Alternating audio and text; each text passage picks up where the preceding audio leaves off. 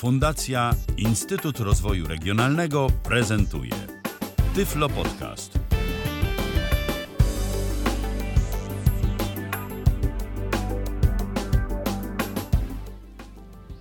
E, Dzień dobry. O, teraz mnie słychać. E, Dzisiaj 168 audycja Tyflo Przeglądu. Skład skromniutki, trzy osoby. Michał Dziwisz, Dobry Paweł wieczór. Masarczyk i ja, czyli Tomek Bilecki. Dobry wieczór, witajcie. No i co? Dzisiaj mimo wszystko informacji troszeczkę dla Was przygotowaliśmy. A co przygotowaliśmy? O tym za chwilę, jak zwykle zresztą, Michał. W tym tygodniu w Tyflo Przeglądzie. Doświadczenia z zamawiania biletów w nowej aplikacji PKP oraz ze społeczności na WhatsAppie. Artykuły z Tyflowiki oficjalnie w nowym miejscu. OpenAI ma zamiar wprowadzić płatną wersję ChatGPT. Zakończyło się wsparcie Braille Sense U2 Kwerty. Sense Player OCR, nowy odtwarzacz książek od HIMS na bazie Androida. Tytanowa laska na każde warunki. Rękawiczka do nauki Braille'a. Dodatki zwiększające dostępność Thunderbirda. Co nowego w TalkBacku 13.1? Powstaje aplikacja pomagająca w nakładaniu makijażu. Media Hotkeys, rozszerzenie dodające skróty klawiszowe z YouTube'a na dowolnej stronie internetowej. Pojawił się kolejny program poprawiający dostępność niektórych instrumentów wirtualnych. Niewidomi i słabowidzący po raz pierwszy zagrają na Australian Open. Nowości od Apple. Niektóre usługi sztucznej inteligencji od Amazona dostępne po polsku. Deep L Write narzędzie do poprawiania naszych obcojęzycznych tekstów. Twitter odcina dostęp znanym klientom zewnętrznym. Wszystko to, a pewnie jeszcze więcej już za chwilę. Zaczynamy! A zaczynamy oczywiście jak zwykle od informacji, że możecie się z nami kontaktować na Facebooku, na YouTubie chyba też jesteśmy. Mm, w Tak jest, jesteśmy, jesteśmy. Możecie pisać na czacie, zapraszamy. Tak, y, w aplikacji Dawida Piepera. Y, No i oczywiście na stronie kontakt.tyflopodcast.net. Jest jeszcze aplikacja mobilna. mm, Co prawda w test flightie, ale można, są użytkownicy, którzy testują i też tam można na iOS-a e, sobie ją pobrać, no i potestować. Tak jest. I pisać do nas. Tak jest. Y, No to w takim razie przechodzimy już do informacji, które przygotowaliśmy. Jeszcze takie informacje, które y, gdzieś tam zahaczają o to, co się działo w poprzedniej audycji. Doświadczenia z zamawianiem biletów y, w nowej aplikacji PKP oraz, no, Paweł tutaj przygotował jakiś, nie wiem, zbiór informacji. Co to jest? No, bardziej taką opowieść, bo, bo nareszcie udało mi się. Miałem to robić tydzień wcześniej, a jednak y, sytuacja nie pozwoliła. No a teraz mogłem już y, spróbować, jak to jest, zamówić bilety y, kolejowe nową aplikacją PKP Intercity na system iOS. No i co mogę powiedzieć? Y, mogło być gorzej, ale mogło być zawsze lepiej. Y, Dlaczego mogłoby być gorzej? Bo aplikacja zasadniczo jest dostępna. E, Wszystko, co należy w niej zrobić, zrobić się da. Czyli zarówno wybór e, oczywiście miast, wiadomo, startowego, docelowego, e, daty wyjazdu, godziny, po której chcemy wyjechać, liczby miejsc i też zniżek, i to takich kombinowanych zniżek, bo ja zamawiałem dla trzech osób, gdzie byłem ja, osoba niewidoma, była osoba będąca moim przewodnikiem i była jeszcze osoba trzecia na normalnym bilecie. E, Przeszedłem przez wybór połączeń, przez e, zakładanie konta i jego aktywację, e, aż do opłat za bilety i później prezentację oczywiście i pobranie biletu. Wszystko jest dostępne. Powiem więcej, trochę takich bardzo inteligentnych funkcji weszło. Po pierwsze, można sobie zapisać e, te konfiguracje, które się już kiedyś wyszukało jako profil e, i się do nich w przyszłości odwołać. Czyli jeżeli jeżdżę e, takim składem, jakim jechałem ostatnio, e, tych trzech osób częściej, no to mogę sobie go zapisać. e, I tak samo moje dane są zapamiętane, oczywiście, imię, nazwisko i tak dalej. Co więcej, to, to jest taki oczywiście bajer, ale zaraz po zakupie biletu pokazywana jest mi pogoda, zarówno w miejscu, z którego wyruszam, jak i w miejscu, do którego jadę. Więc tak mniej więcej wiadomo, przynajmniej poglądowo, czego się atmosferycznie również spodziewać. E, no co ciekawe, e, na samym ekranie e, już biletu, kiedy bilet mamy, mamy przycisk rozjaśnij ekran. I to jest bardzo fajne, bo zazwyczaj no ja ten ekran z wiadomych przyczyn, pewnie tak jak większość z nas, mam troszeczkę przyciemniony, żeby baterii mniej czerpało.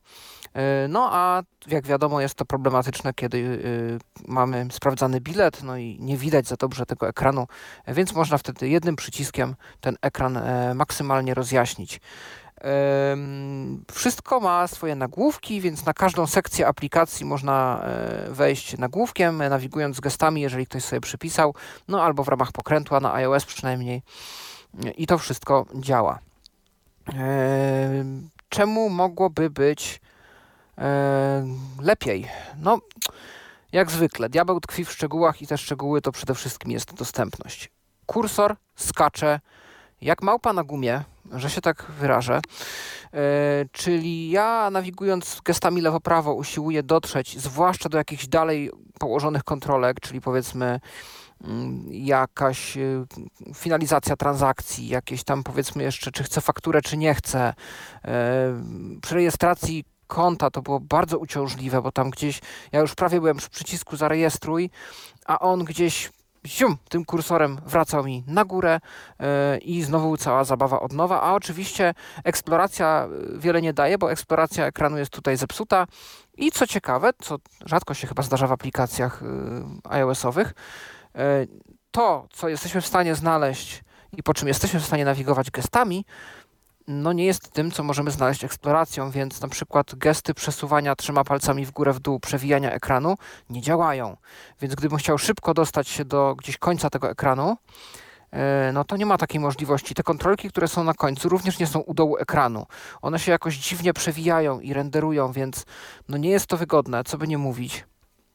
E, ponadto nagłówki dobrze, że są, ale są na absolutnie wszystko, czyli po prostu nawet jeżeli mamy przycisk jakiś tam e, w dolną taką listwę, przycisk anuluj OK, to tutaj na to też jest nagłówek nawigacja i pod nagłówkiem nawigacja na niektórych e, ekranach mamy tylko przycisk tam anuluj albo dalej. I e, no moim zdaniem do czegoś takiego właśnie powstały w Apple'u grupy kontrolek, czyli to, co się robi w tej nawigacji grupowej, te kontenery czy obszary, żeby takich rzeczy nie robić pod nagłówkami, tylko robić je w ramach, jeżeli naprawdę chce to pogrupować, no to kontenerów. I wtedy kontenery jak najbardziej ok. A nagłówki, no to w ramach y, na przykład kontenera, gdzie ustalamy jakieś tam parametry podróży.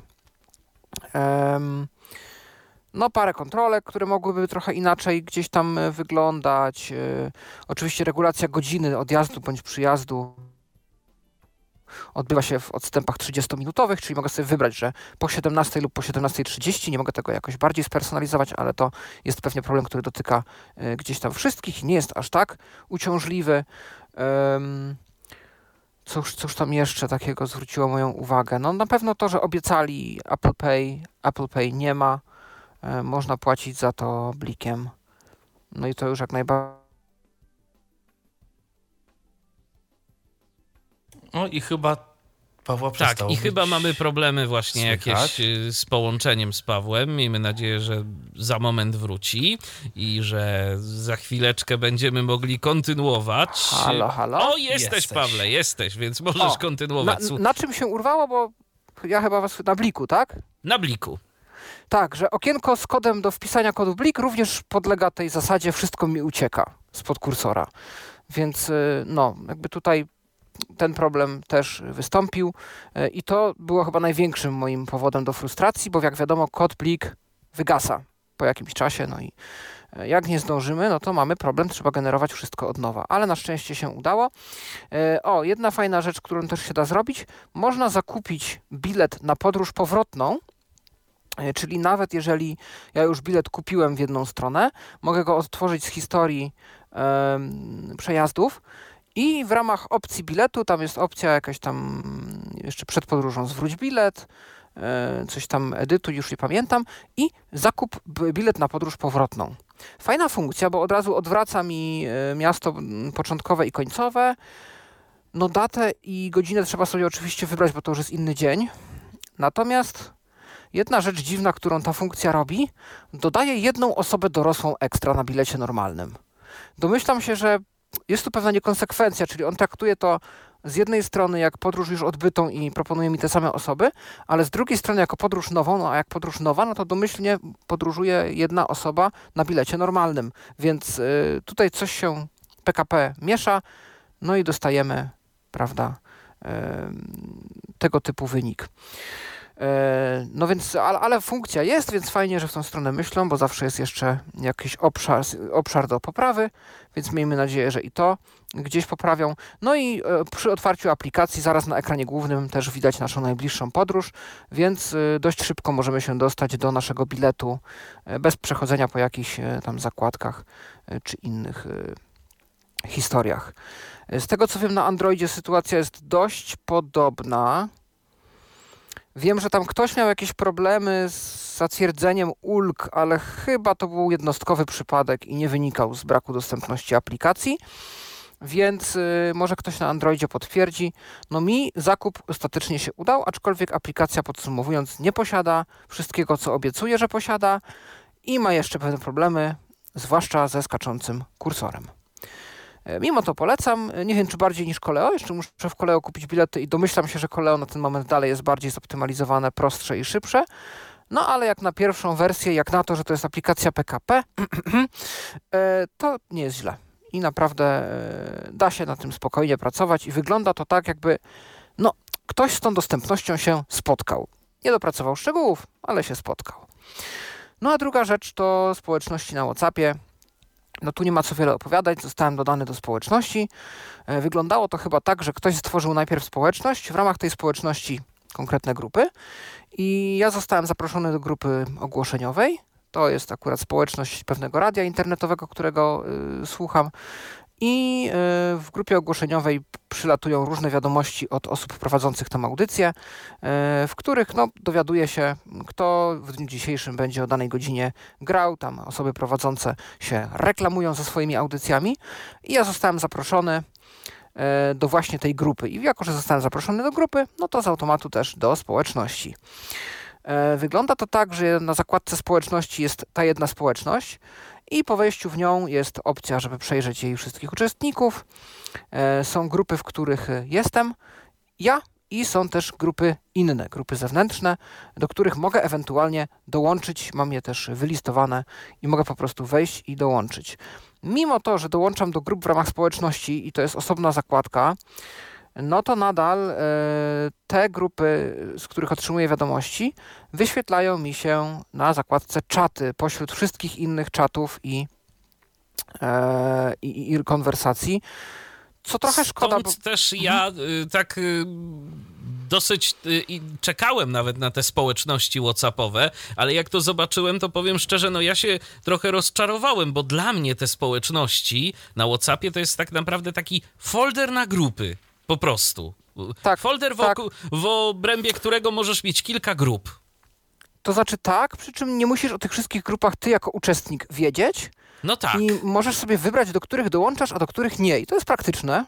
Owszem. Bo to jest pod kątem różnych społeczności, czyli na przykład masz szkołę, masz firmę, masz yy, jakąkolwiek y, społeczność, nie wiem, lokalną, wirtualną, yy, czy na przykład tak jak tutaj w moim przypadku radio internetowe, i gdzie jest jedna grupka z ogłoszeniami e, o audycjach, jest jedna grupa, gdzie można e, pisać do aktualnie osoby prowadzącej audycję, żeby coś tam, nie wiem, zagrała nam jakiś utwór, albo coś tam przekazała na antenie innym.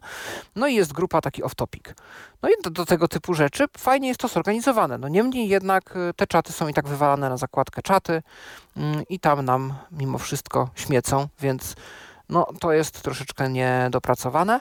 No ale poza I te wszystkim... społeczności mają chyba też jakieś wcale nie tak duże limity. Oczywiście do jakichś niewielkich y, grup to, to się spokojnie nadaje, ale y, one tam jakieś bardzo duże nie są. To tam 100 osób? Jakoś tak? Aż tak mało? Ojej, Tak to, mi się to coś wydawało. Że To, to, muszę wcale... zobaczyć, no bo standardowe to jeszcze grupy mają trochę To więcej. jeszcze trzeba by się było A mi upewnić. się wydawało, że chyba tysiąc. 1024, nie? Bo to No tak no to, to, już to, to już wyglądało lepiej. Być może w jakiejś pierwszej fazie to było tak mocno ograniczone, ale jakoś właśnie też pamiętam, że jak to zobaczyłem, to się trochę zdziwiłem. Czemu, czemu to aż tak? Mhm. No to ja jeszcze zobaczę i ewentualnie poprawimy gdzieś w komentarzu. Natomiast skoro już o WhatsAppie mówimy i przy WhatsAppie jesteśmy, e, dwie rzeczy, które zaobserwowałem ostatnio w WhatsAppie na iPhone'a. Jedną nie tylko ja zaobserwowałem, czyli mm, od teraz, jeżeli jesteśmy w jakimś czacie grupowym i nagrywa wiadomość osoba, której nie mamy w kontaktach, no to teraz oprócz domniemanej nazwy, czyli tak naprawdę nazwy, którą osoba sobie wpisała w profilu, mamy wyrecytowany cały numer telefonu. Denerwuje to niesamowicie, zwłaszcza na grupach, gdzie tych osób, których nie mamy w kontaktach jest trochę. E, Przedtem było, że tam nie może Paweł Masarczyk, teraz jest może Paweł Masarczyk i jeszcze do tego cały mój numer, w związku z czym e, no, drażni to nie, niemożebnie. Mm, A druga rzecz, którą zauważyłem ja i nie wiem, czy to tylko ja, e, sytuacja na przykład taka, nagrywam wiadomość głosową i blokuję przycisk nagrywania. Mówię, mówię, mówię, dzwoni do mnie telefon. Ja em, odbieram rozmowę. Wiadomość, oczywiście, nagrywanie wiadomości się tam e, pauzuje. Nawet mogę to zapauzować ręcznie. Ja e, odbieram rozmowę, kończę rozmawiać i nie widzę opcji ani żeby wznowić nagranie, ani żeby wysłać wiadomość, ani żeby cokolwiek anulować. Te przyciski, które zazwyczaj tam były, znikają. Więc już mi się niestety zdarzyło, że nagrywałem wiadomość i to nie krótką. Ktoś przerwał mi dzwoniąc do mnie. Ja skończyłem rozmowę i niestety musiałem zamknąć WhatsAppa z paska, włączyć go ponownie i zacząć całe nagrywanie od nowa. Nie wiem, czy wy też, e, czy wy, no, no pewnie tu Michał tylko mógłby coś potwierdzić, bo, bo Tomek ma Androida, ale mm, no jeśli nie, Dawno nie ktoś miałem takiej słuchaczy- sytuacji, jak jeszcze y, właśnie była taka em, przypadłość, że ktoś do mnie dzwonił, kiedy nagrywałem wiadomość na WhatsAppie, y, to to jeszcze działało, ale to było już dość dawno temu, więc wiele się mogło zmienić. Okej, no to, to miejmy nadzieję, że zmieniło się na lepsze. E, No i to tyle, jeśli chodzi o moje doświadczenia z PKP i z WhatsAppem.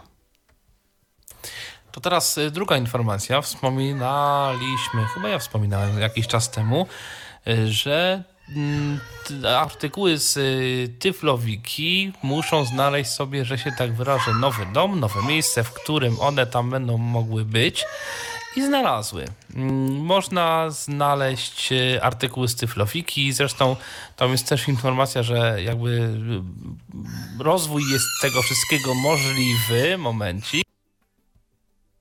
No cóż. Natomiast y, link y, jeszcze mogę podać tyfloakademia.com slash Centrum Informacji dla Niewidomych, przy czym Centrum Informacji dla Niewidomych między tymi słowami są minusy, czyli tyfloakademia.com slash Centrum minus Informacji minus dla minus Niewidomych. I tam są te artykuły z Tyflowiki.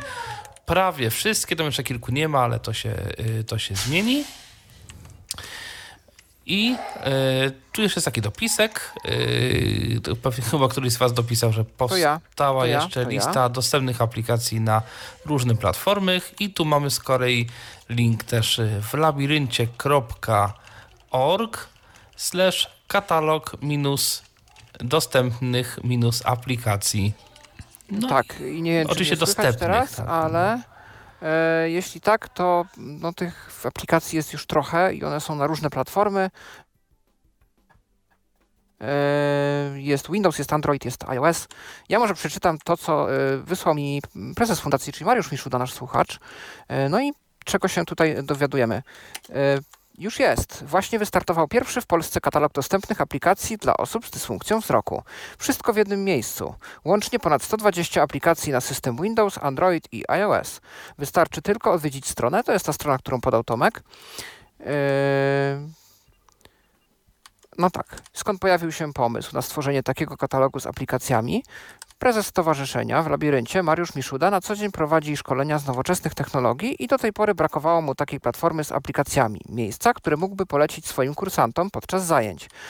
Jeżeli według Ciebie nie ma jakiejś aplikacji w niniejszym katalogu lub byłaby Ci, co.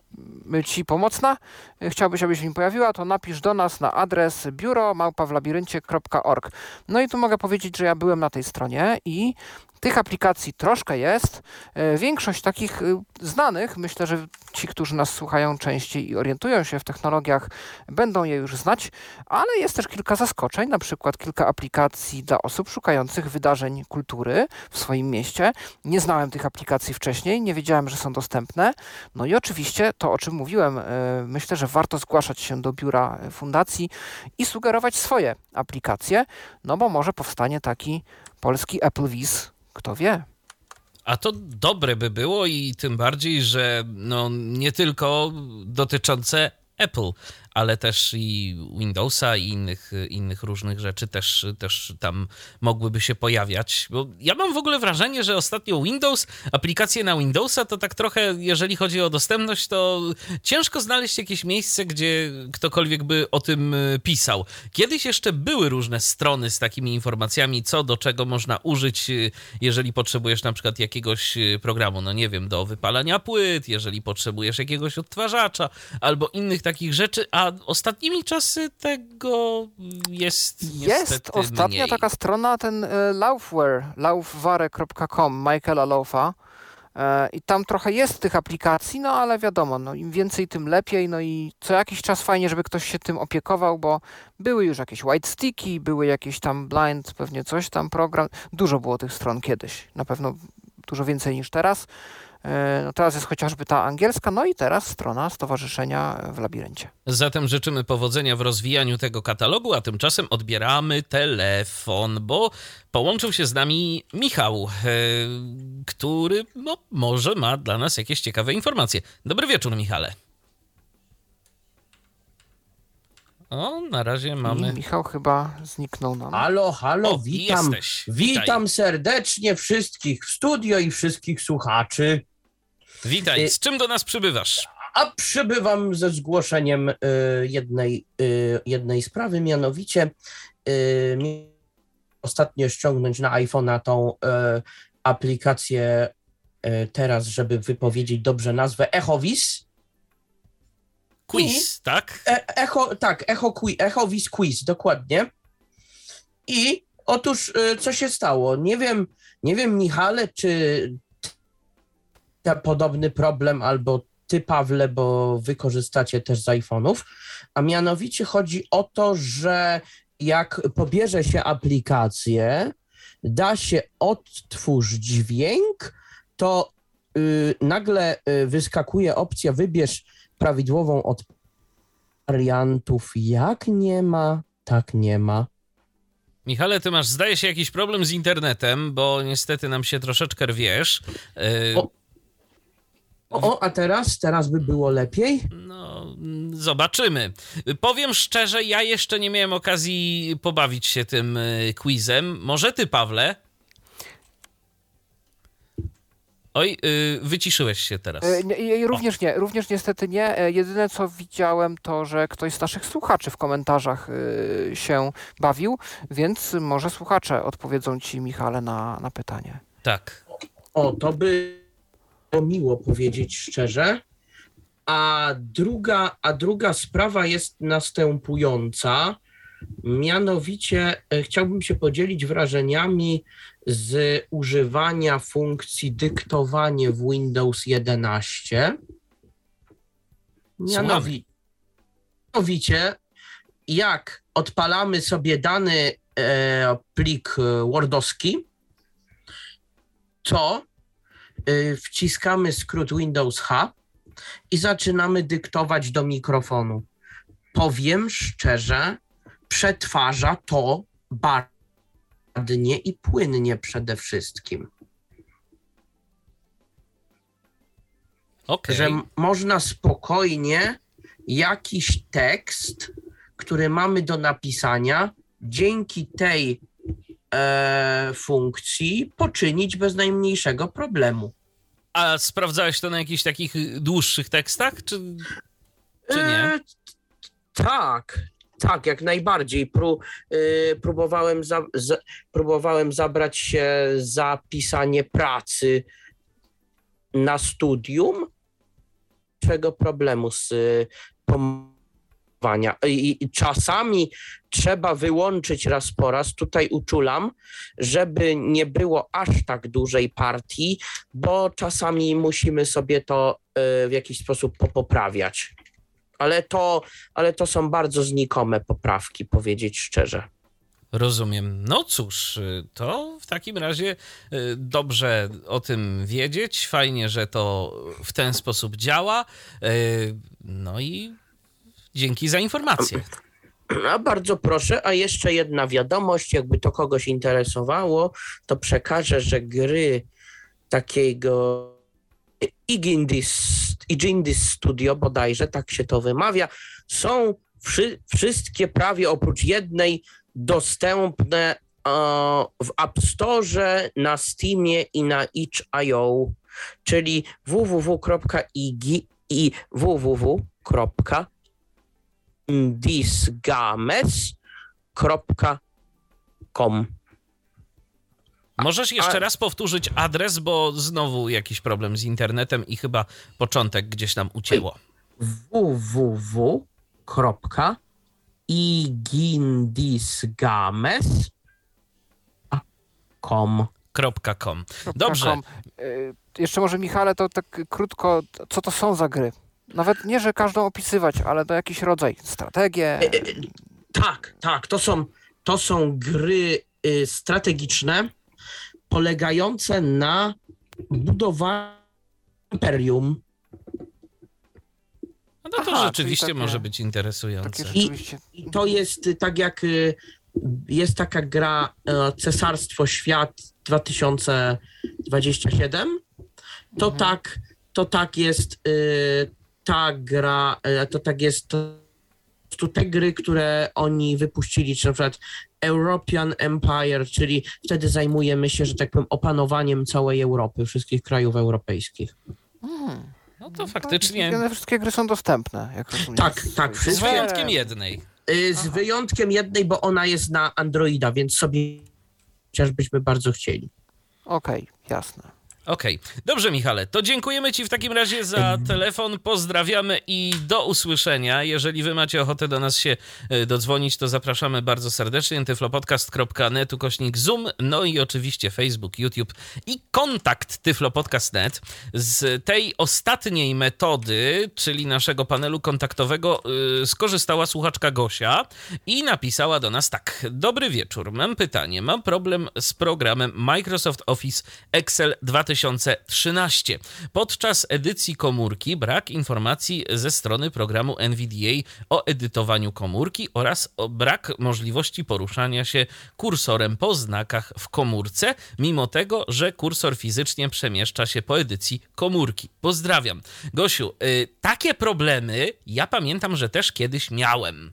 Y, I ja na Twoim miejscu spróbowałbym przede wszystkim zmaksymalizować okno Excela bo to czasem pomagało. Czasem pomagał restart NVDA. Yy, a inna rzecz, że Office 2013 jest już dość starym pakietem, niestety.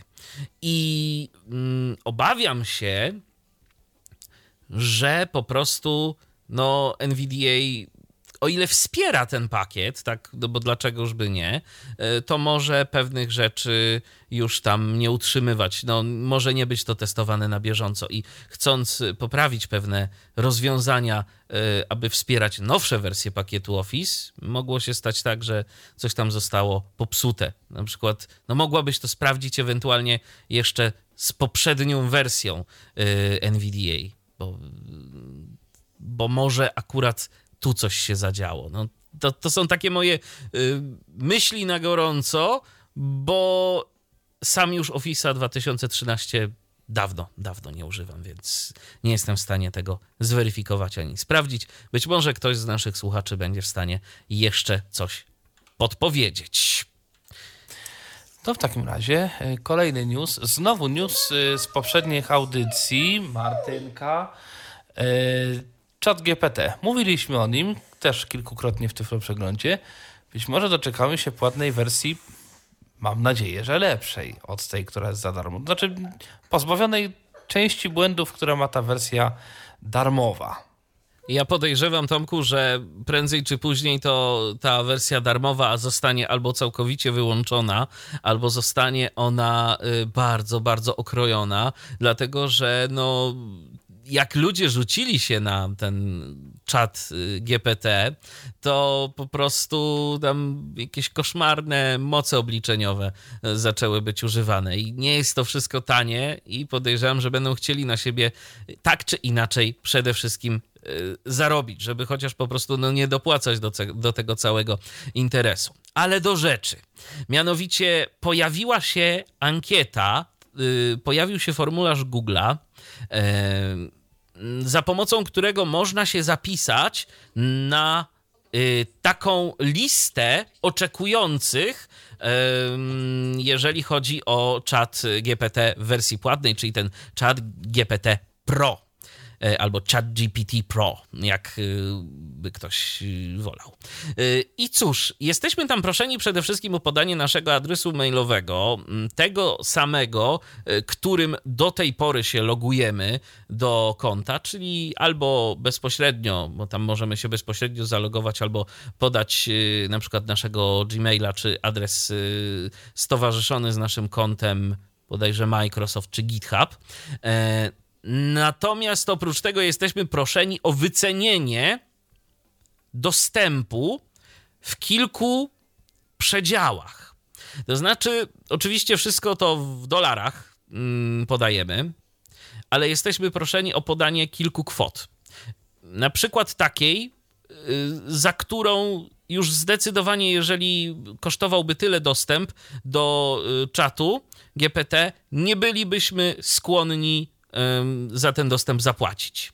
Jesteśmy też proszeni o podanie kwoty, która byłaby dla nas zbyt wysoka, ale gdyby no jednak y, ona była, to rozważylibyśmy ten dostęp. Takiej kwoty, która byłaby dla nas ok, ale co ciekawe, jesteśmy też proszeni o podanie kwoty, po uiszczeniu której uważalibyśmy, że ten czat GPT jest za tani, że jak tyle się za niego płaci, to pewnie coś tam jest okrojone i prawdopodobnie nie spełnia to um, swoich funkcji. Więc jest tych kilka pól do wypełnienia. Tam się wpisuje po prostu cyfry bądź liczby. Raczej przypuszczam, że będziemy wpisywać cyfry niż liczby, chociaż kto wie. E, natomiast, y, no ja to wypełniłem, wypełniłem to już jakiś tydzień temu. Na razie żadnego dostępu nie dostałem, nie otrzymałem żadnej informacji e, względem tego, kiedy ten dostęp miałby być przyznany, więc po prostu, no, na razie trzeba czekać.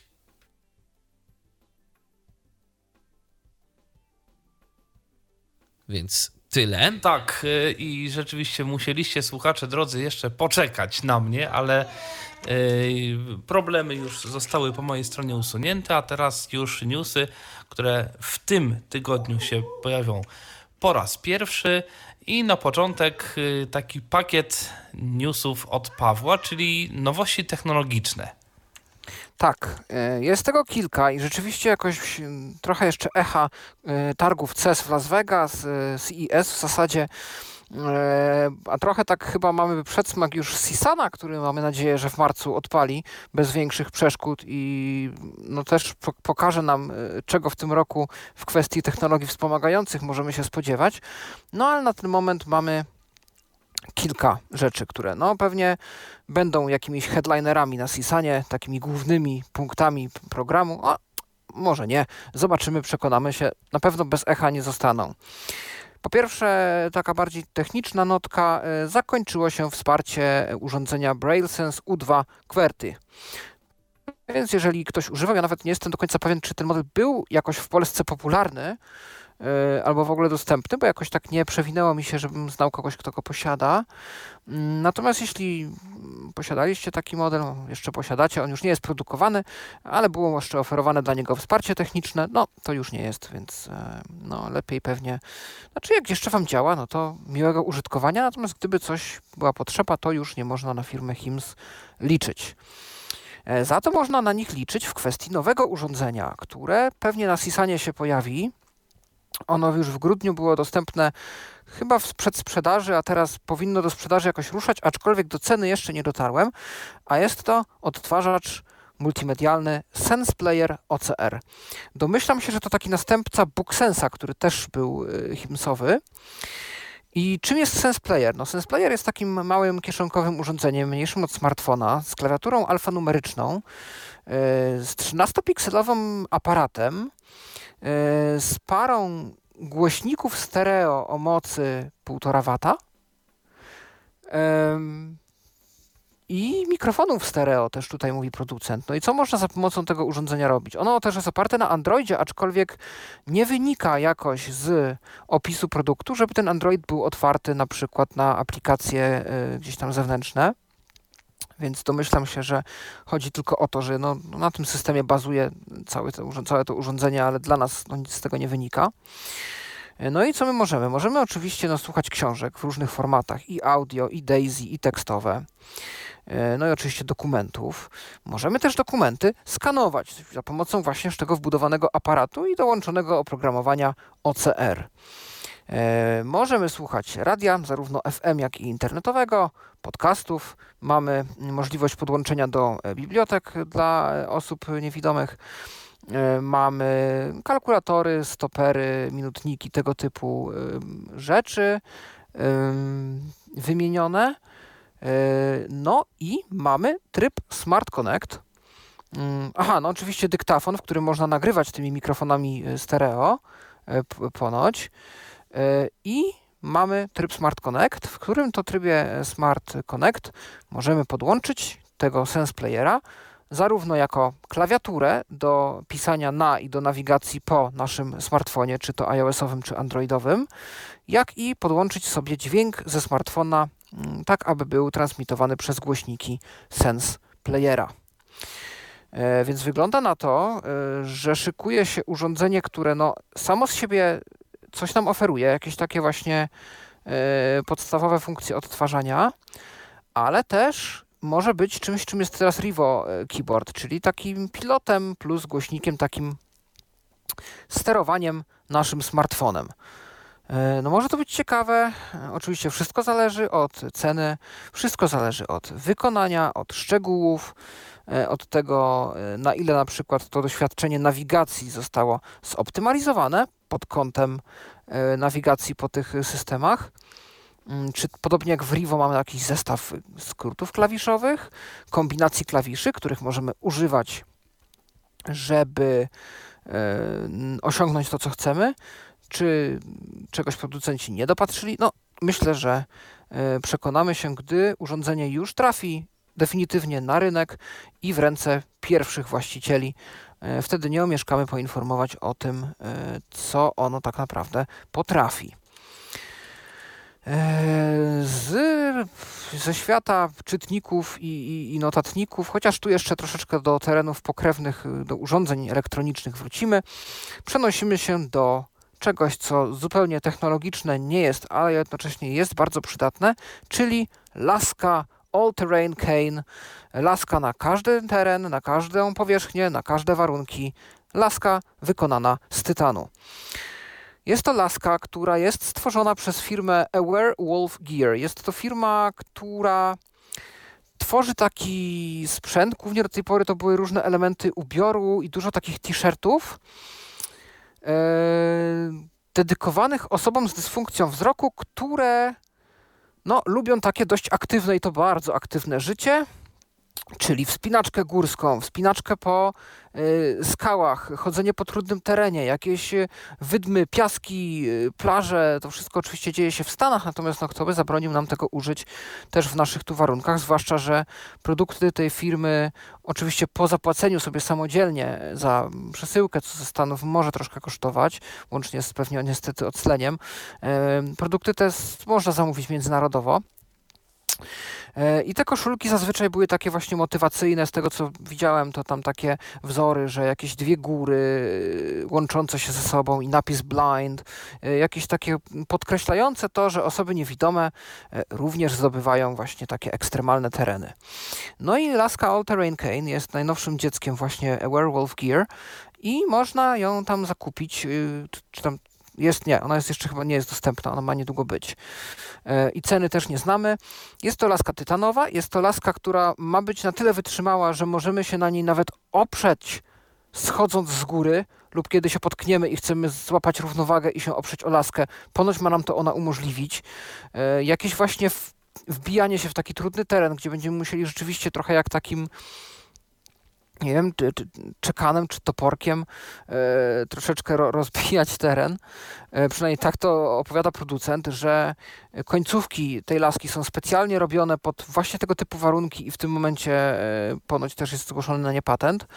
E, długość takiej laski waha się w zależności od tego, jak się rozłoży jej rączkę, bo rączka jest rozciągana, zdaje się, że odkręca się ją e, i można ją wtedy sobie wybrać jej więcej od 130 do 155 cm, więc e, naprawdę można sobie to rozciągnąć, aczkolwiek obawiam się, że to może już być dla niektórych za mało, te 130, za dużo, te 130, no ale ale taka laska jest i no, być może dla właśnie osób, które żyją takim aktywnym życiem albo po prostu mieszkają w takim miejscu, że prawdopodobnie bez takiej laski ani róż Albo po to... prostu mhm. tak sobie myślę, że jeżeli chcemy mieć laskę, która wytrzyma nam długo, tak. bo te laski, no które są obecnie, to nawet i przy jakimś niewielkim, niespecjalnym ich użytkowaniu, to potrafią się dość e, szybko zużywać, no bo to wiadomo, że tu ktoś nam na taką laskę stanie, tu w coś nią uderzymy, e, ona się też po prostu no, siłą rzeczy ściera, a tak, to mm, podejrzewam, że płacąc troszkę więcej, albo może i dużo więcej, nie wiem. Jak powiedziałeś, Pawle, nie znamy ceny, tak. ale zainwestujemy w coś, co ma szansę być po prostu trwałe. No, tytan to raczej tak. nie jest coś, co łatwo da się uszkodzić. Myślę, że to będzie produkt gdzieś pokrewny do tych lasek niemieckich Comte de Renda, które ostatnio gdzieś świętu, święcą triumfy. E, one są z aluminium lotniczego i istotnie mm, założyciel firmy Werewolf Gear pochodzi też z takiego, z, tego, z, tego, z tej branży. On gdzieś tam w lotnictwie e, się zajmował jakimiś konstrukcjami, e, no i to go zainspirowało do stworzenia mm, z podobnych materiałów laski dla osób niewidomych.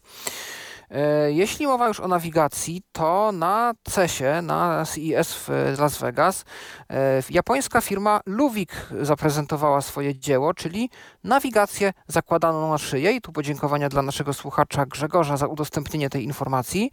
Mm, urządzenie zakładane na szyję, które za pomocą motorków wibracyjnych, zdaje się czterech, informuje nas wibracją, a za pomocą przewodzenia kostnego głosem, dźwiękiem, komunikatami głosowymi, e, w którą stronę mamy iść komunikaty na ten moment w języku japońskim i angielskim. E, większość filmików jest niestety po japońsku. Pan, który udzielał jedynego wywiadu w języku angielskim, jaki udało mi się znaleźć, również mówił po angielsku na tyle e, z silnym akcentem, że ciężko było mi go zrozumieć w każdej sytuacji. On chyba też nie do końca rozumiał pytań. Natomiast takie ciekawe urządzonko. Ponoć nie jest ono dedykowane, w ogóle osoby niewidome nie są tam jakkolwiek wspomniane ale brzmi jak no, urządzenie, które osobom niewidomym też by mogło pomóc. Parujemy takie urządzenie z telefonem, wyznaczamy trasę. No, podobna zasada działania jak Pass Fill Space, o którym już nieraz y, mówiłem. No i na sam koniec y, dzieło z Indii, które również na CES-ie y, zostało zaprezentowane i nawiązali twórcy tego rozwiązania kontakt też y, ze y, Stanami, y, czyli mm, rękawiczka do nauki Braille'a, która za pomocą kamery, rzucając odpowiedni cień przy odpowiednim oświetleniu, jest w stanie odróżnić e, konkretny znak Braille'a, na którym e, osoba ucząca się tego pisma kładzie właśnie rękę e, i za pomocą sztucznej inteligencji jest to przetwarzane na Braille'a, którego można potem przypisać do odpowiedniej litery w tablicy brailleowskiej i syntezą mowy jest odczytywana nazwa tej litery, którą akurat, czy też znaku, który dana osoba aktualnie ma pod palcem. No takie urządzenie, które ma pomóc w nauce alfabetu Braille'a i tu już cenę znamy, bo cena ma osiągnąć około 300 dolarów. No i to tyle, jeśli chodzi o nowości w technologiach wspomagających. Troszeczkę tego jest.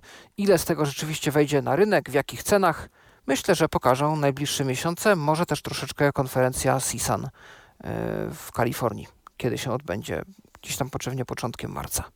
To ja jeszcze dodam e, taką jedną rzecz, której nie ma w notatkach, a myślę, że o niej warto powiedzieć. E, dziś jeszcze przed audycją, e, kiedy rozmawialiśmy na ten temat z Tomkiem, no trochę byłem zajęty i, i po prostu sobie tego nie wpisałem, ale i właściwie powinniśmy o tym powiedzieć w mm, tym bloku dotyczącym tematów, które już były kiedyś poruszane, no ale trudno. Vocaster Urządzenie, y, o którym wspominaliśmy, o którym Jonathan Mosen zrobił bardzo fajny podcast. Y, I nie tylko on zresztą, bo sporo osób o tym y, urządzeniu mówiło, Vocaster One, Vocaster 2.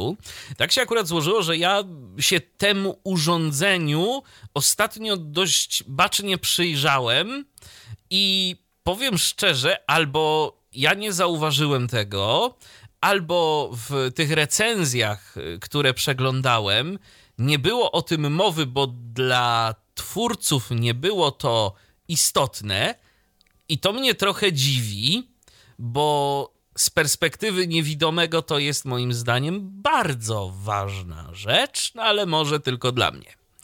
Y, mianowicie w specyfikacji Vocastera mamy taką informację, że tam są oni to nazywają two loopback, loopback faders, czyli dwa suwaki, y, za pomocą których możemy wypuścić y, dźwięk z naszego komputera. Czyli na przykład pod jeden y, ten suwaczek podpiąć sobie jakąś mm, aplikację do odgrywania dźwięków, pod drugi chociażby komunikator internetowy, i można sobie to wszystko za pomocą tych suwaczków regulować.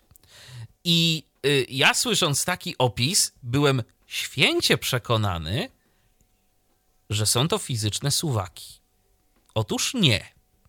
Te suwaki są suwakami programowymi i można je yy, regulować, można nimi sterować tylko w tej aplikacji Vocaster Hub. Nie ma na Vocasterze, na urządzeniu ani w wersji One, ani w wersji 2 e, żadnych suwaczków, które, mo które można sobie przesuwać i którymi można regulować ten poziom dźwięku.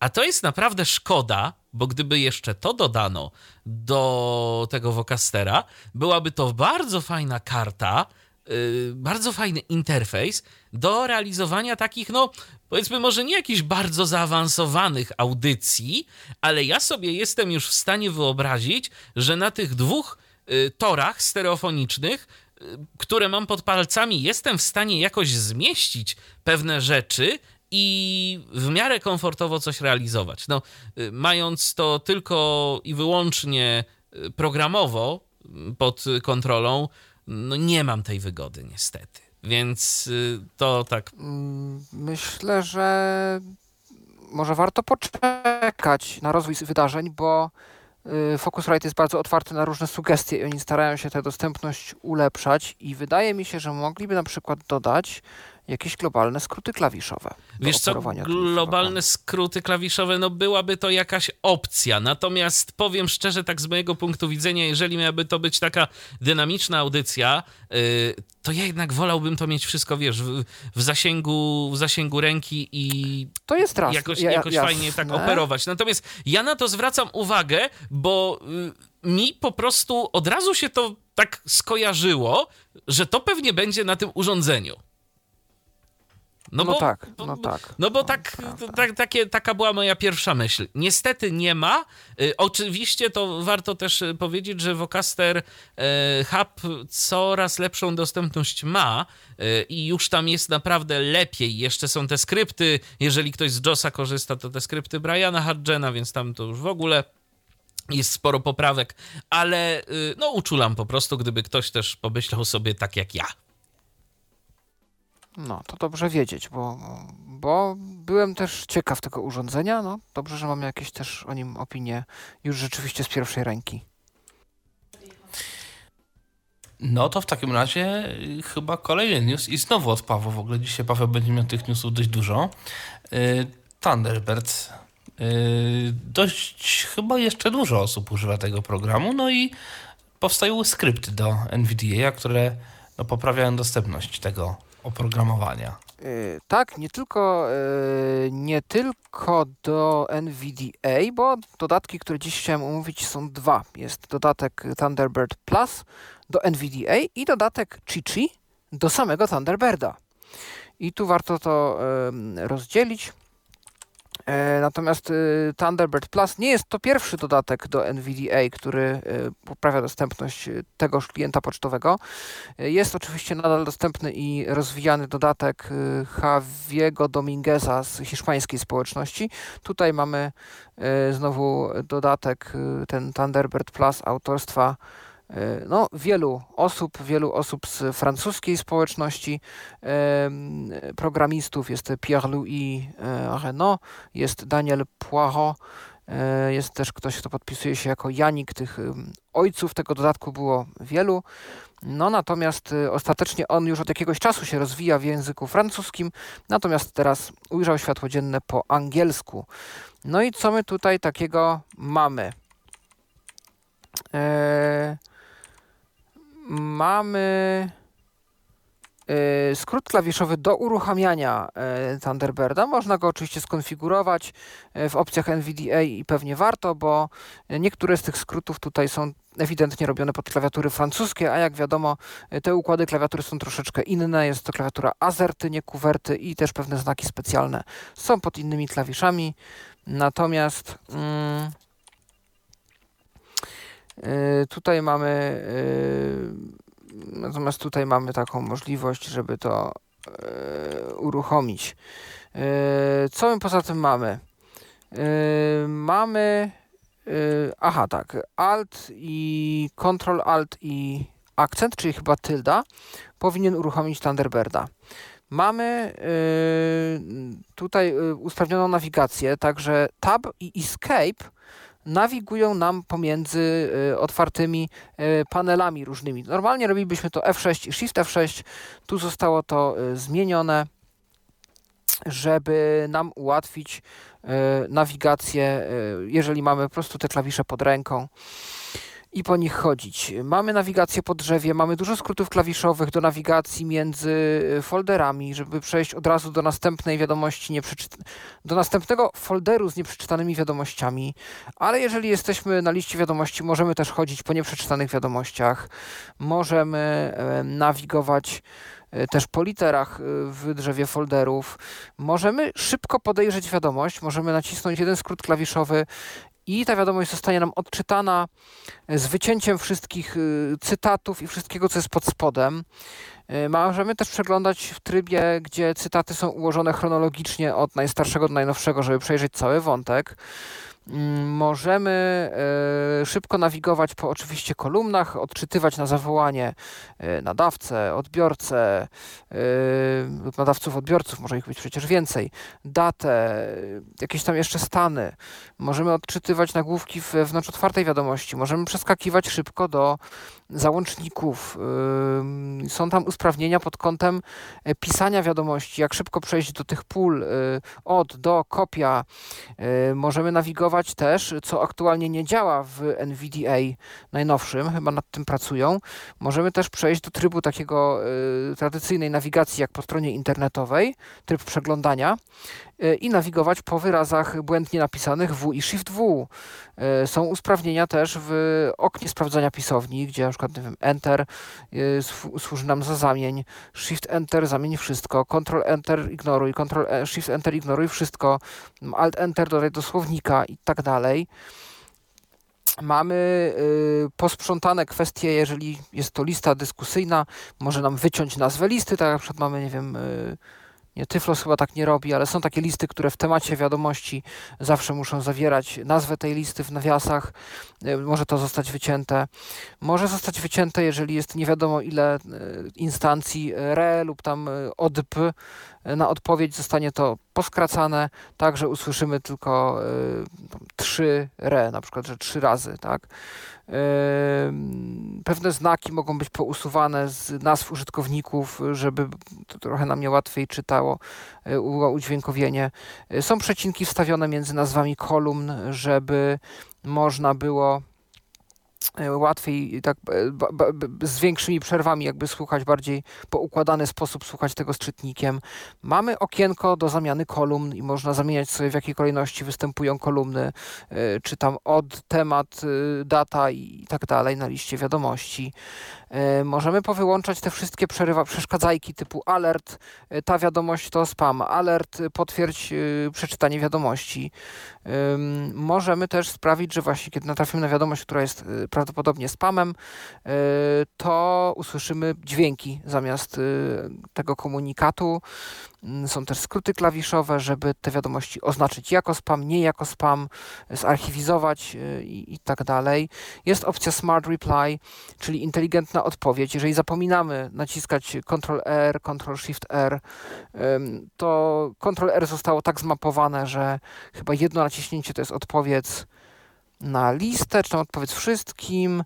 Dwa razy to jest odpowiedz tylko y, tej osobie prywatnie. Y, jest, jest kilka wariantów tego, co z tym Ctrl-R można by y, zrobić. I dużo jest jeszcze tak naprawdę tych usprawnień. Wszystkich teraz nie spamiętam. Myślę, że warto zapoznać się z dokumentacją i dobrze ją przeczytać. Jest to na swój sposób wyzwanie, bo niestety dokumentacja została przetłumaczona na język angielski tłumaczem Google, więc e, są momentami takie sytuacje, gdzie nie do końca wiadomo o co chodzi, trzeba się skupić. No mimo to myślę, że warto się dodatkiem zainteresować, ale też dokumentacją warto, no bo na swój sposób ona zmienia sposób, w jaki nawigujemy po wiadomościach i po folderach i po całym tym interfejsie, więc żebyśmy się potem nie zdziwili, że coś nie działa w taki sposób, w jaki jesteśmy przyzwyczajeni. No a co robi y, w międzyczasie Chichi? Y, Chichi y, łączy troszeczkę funkcji kilku. Jest to dodatek do Thunderbirda, trzeba go zainstalować ręcznie, czyli pobrać ten plik XPI, chyba takie ma rozszerzenie, mm, i zaimportować go ręcznie przez menu dodatków. E, I e, on zastępuje nam e, kilka tak naprawdę dodatków. Możemy na przykład ustawić, w którym folderze nam się Thunderbird otworzy.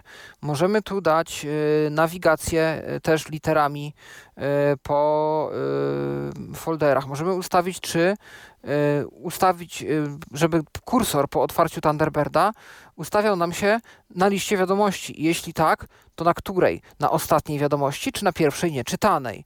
I yy, można też skakać po nieczytanych wiadomościach yy, bez jakiejś, yy, bez, niezależnie od tego, w którym folderze, jeżeli skończą się, nie wiem, w odebranych, to przerzuci nas do następnego folderu, gdzie są jakieś nieczytane wiadomości, więc w ten sposób możemy, no jak burza, iść przez te nasze wszystkie wiadomości. Yy, możemy Yy, jeszcze tu patrzę, co możemy. Yy, tak, możemy tu przeczy przeczytać yy, wiadomość lub kanał RSS właśnie takim szybkim podglądem, czyli naciskamy spację, jest tam czytana wiadomość. Yy, możemy naciskając spację dwa razy szybko wyświetlić listę linków zawartych w wiadomości, żeby do nich szybko przejść, yy, lub otworzyć link do artykułu, jeśli to RSS. Możemy tak, nawigować, to o czym mówiłem, nawigować po yy, folderach. Yy, możemy przejść po Alt F1, wyświetlić listę folderów, które zawierają nieczytane wiadomości. Alt F2, yy, lista skrzynek odbiorczych dla różnych kont. E, Alt F3 lista kolumn i można je tutaj też przeorganizować. Yy, można też, yy, to w sumie chyba tyle. No więc jak widać w niektórych momentach te funkcje dodatku i funkcje, funkcje Thunderbirda Plus i funkcje Chichi yy, nakładają się na siebie, ale to nie problem, bo w opcjach Thunderbirda Plus można te rzeczy, które są też dostępne przez Chichi powyłączać, żeby nie wchodziły sobie w drogę a jeżeli ktoś nie chce instalować dodatku typowo dla NVDA, ale woli pewne rzeczy mieć na poziomie Thunderbirda, no to może zainstalować samo Chichi i w ten sposób sobie mm, tego klienta spersonalizować. Myślę, że warto się tym zainteresować, bo tych zmian i tych ułatwień, ulepszeń jest dość dużo. Jedyne, czego ja żałuję, no szkoda, że nie poszli albo jeszcze się nie zaczęli interesować, może to jest coś, co warto zgłosić, ulepszaniem dostępności kalendarza, bo tam byłoby co robić i można by trochę fajnych skrótów klawiszowych wprowadzić, trochę zmian w zachowaniu mm, domyślnym Thunderbirda, ale to już jest kwestia do poruszenia z twórcami tych rozwiązań. Całkiem być może, że jak zasugerujesz albo ty, albo ktoś yy, zainteresowany kalendarzem, no to faktycznie się to zmieni. Ja mam takie wrażenie, że yy, no niestety, ale osoby, które yy, pracują z kalendarzem, a y, nie widzą i jakoś cierpią z powodu takiej jego średniej wygody użytkowania, no to jest bardzo, bardzo niewielka ich liczba, dlatego że no, jeżeli ktoś korzysta z kalendarza, to prędzej robi to w Outlooku. No bo zazwyczaj to jest gdzieś tam powiedzmy w jakiejś no, firmie. To tak? prawda, to jest tak, no i no a potem się trafi, nie wiem, jakieś jedno czy dwa miejsca, gdzie używają Thunderbirda. Tak, jakiś taki mniejszy projekt oczywiście tak. i potem zaczynają się kłopoty. Schody, dokładnie. No plus oczywiście warto mieć dla siebie też jakiś tam terminarz. Oczywiście. Wszystko uporządkowane i pod kontrolą. Pewnie, że tak. No dobrze, to co? To zmieniamy... Słucham?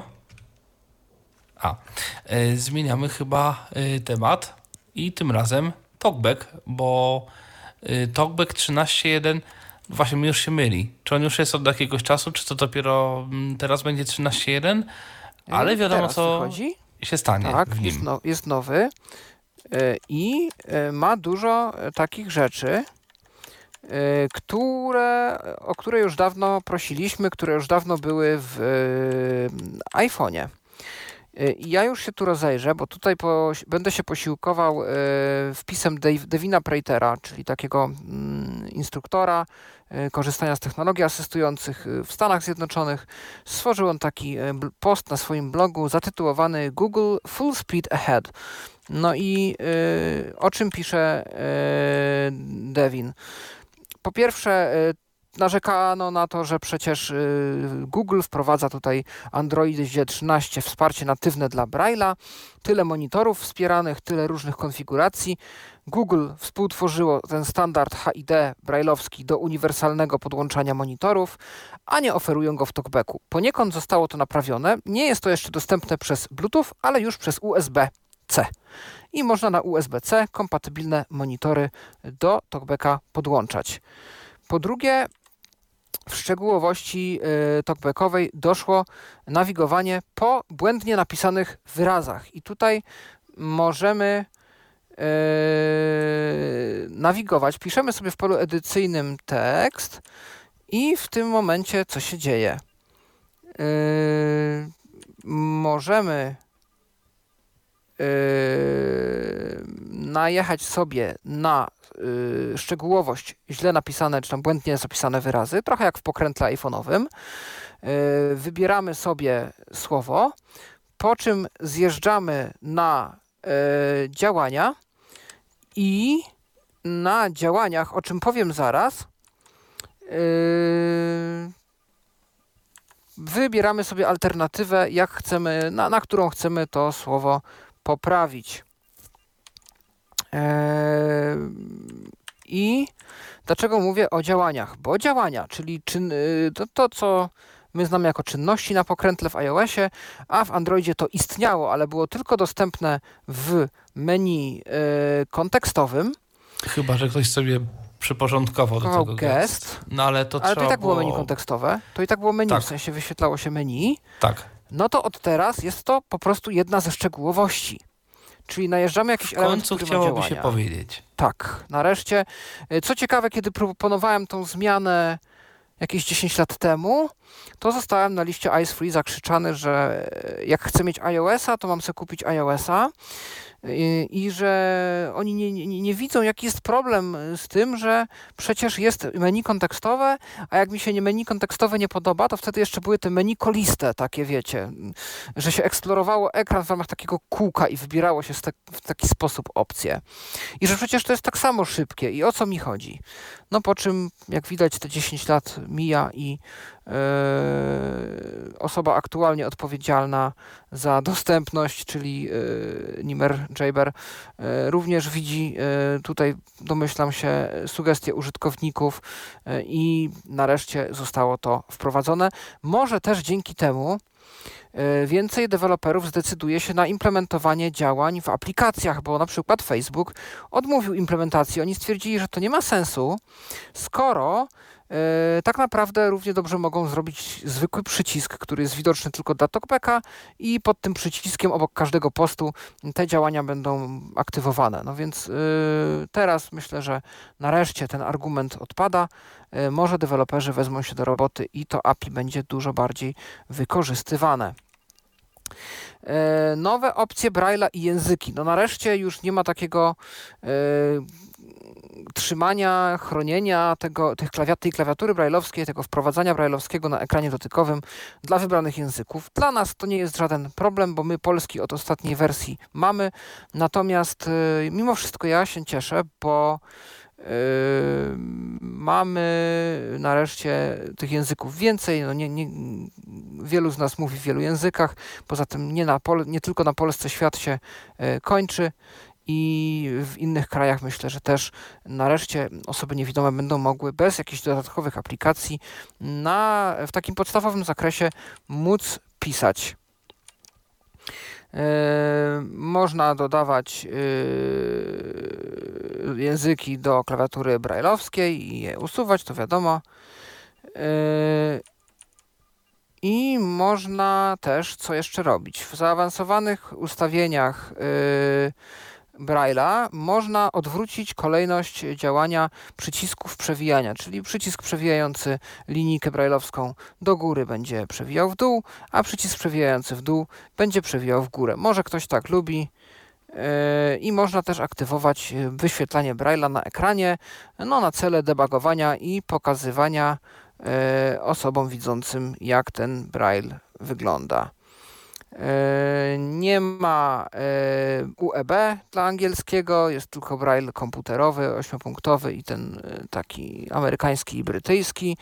No więc tutaj osoby anglojęzyczne mogą być troszeczkę rozsierdzone, mimo to myślę, że dalej działa.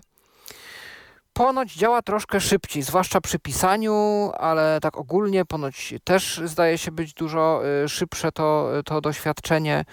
E, Ciężko mi e, powiedzieć, jeżeli stestowaliście, to dajcie znać, czy rzeczywiście. E, No i ponoć też doszedł nowy tryb pisania i to chyba działa na ten moment tylko na klawiaturze Gboard. No, czyli pisanie tak zwane, to się już na iOSie też nazywa split tab, czyli jednym palcem szukamy litery na klawiaturze, a drugim palcem gdy już tą literę żądaną znajdziemy, stukamy, żeby tą literę wbić. No i możemy jednym palcem się przesuwać, a drugim po prostu te litery e, wbijać. Niektórzy tak lubią pisać, więc teraz taka opcja pisania również jest. Mm, Zmian jakichś pomniejszych może być e, pewnie gdzieś też więcej, natomiast e, o, tylu ja w tym momencie wiem. E, Jeżeli coś jeszcze odkryliście nowego w TalkBacku 13.1, no to dajcie znać, dajcie też znać, jak Wam się podoba ta nowa aktualizacja, czy korzystacie z którejś z tych nowych funkcji, no i ogólnie, jak się Wam z tym czytnikiem ekranu pracuje po aktualizacji. A tymczasem pojawiło się pytanie autorstwa Roberta, które brzmi tak. Cześć, w których odtwarzaczach na Windowsa działa obecnie tagowanie plików i płyt CD na podstawie jakiejś bazy online? Kiedyś e, umiał to Winamp z bazy GraceNote, ale ona jest już niedostępna i w najnowszej wersji chyba całkiem te funkcje usunięto. Oprócz Winampa używam VLC, nie sprawdzałem Fubara ani innych odtwarzaczy. A wydaje mi się, że Fubara warto by było sprawdzić, bo co prawda ja tego nie sprawdzałem, ale w wyszukiwarce wpisałem odpowiednią frazę i wychodzi mi na to, że są do Fubara wtyczki, które obsługują Grace Note i Disco GS. Więc może coś tam by się Tak. udało. Jakiś FreeDB coś tam też jest, Mhm. nawet natywnie. E, No i ogólnie tagowanie y, jest. Nawet nie wiem, czy gdzieś nie było Music Brains, ale to może mi się mylić. Więc warto, warto myślę, stestować Fubara. Tak, Music Brains, Music Brains jest dokładnie, jest Music Brains i jest Disco i Disco GS. Tak. To się Właśnie, zgadza. No to, to Więc- próbujcie Fubara. Mhm. No i kolejny, no może nie news, seria newsów od Pawła. Y, Drobne newsy. Tak, drobne newsy. E, No i co tu mamy? E, Powstaje aplikacja, jest taka firma Estee Lauder, e, firma, która jest w sektorze takim właśnie kosmetycznym, beauty i tak dalej, produktów upiększających.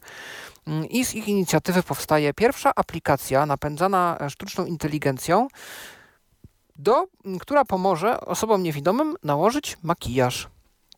No i dowiemy się na przykład, czy, e, czy cienie leżą prawidłowo, czy gdzieś nie przesadziliśmy, czy e, coś tam e, można by poprawić i co konkretnie poprawić.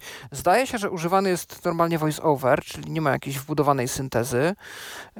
Można przeskanować jakby twarz, y, otrzymamy jakiś tam raport, można nanieść poprawki, dokonać ponownego skanowania, otrzymać kolejny raport, aż zdaniem aplikacji wszystko będzie ok. Y, Mimo, że stworzyła to ta konkretna firma, to nie znaczy, że y, będzie to działało tylko z produktami tej firmy. Powinno to działać uniwersalnie, aczkolwiek plany są też takie, żeby y, taką aplikację stworzyły też inne firmy i dołożyły tam jakieś swoje jakby opcje specyficzne dla produktów danej firmy, danej marki.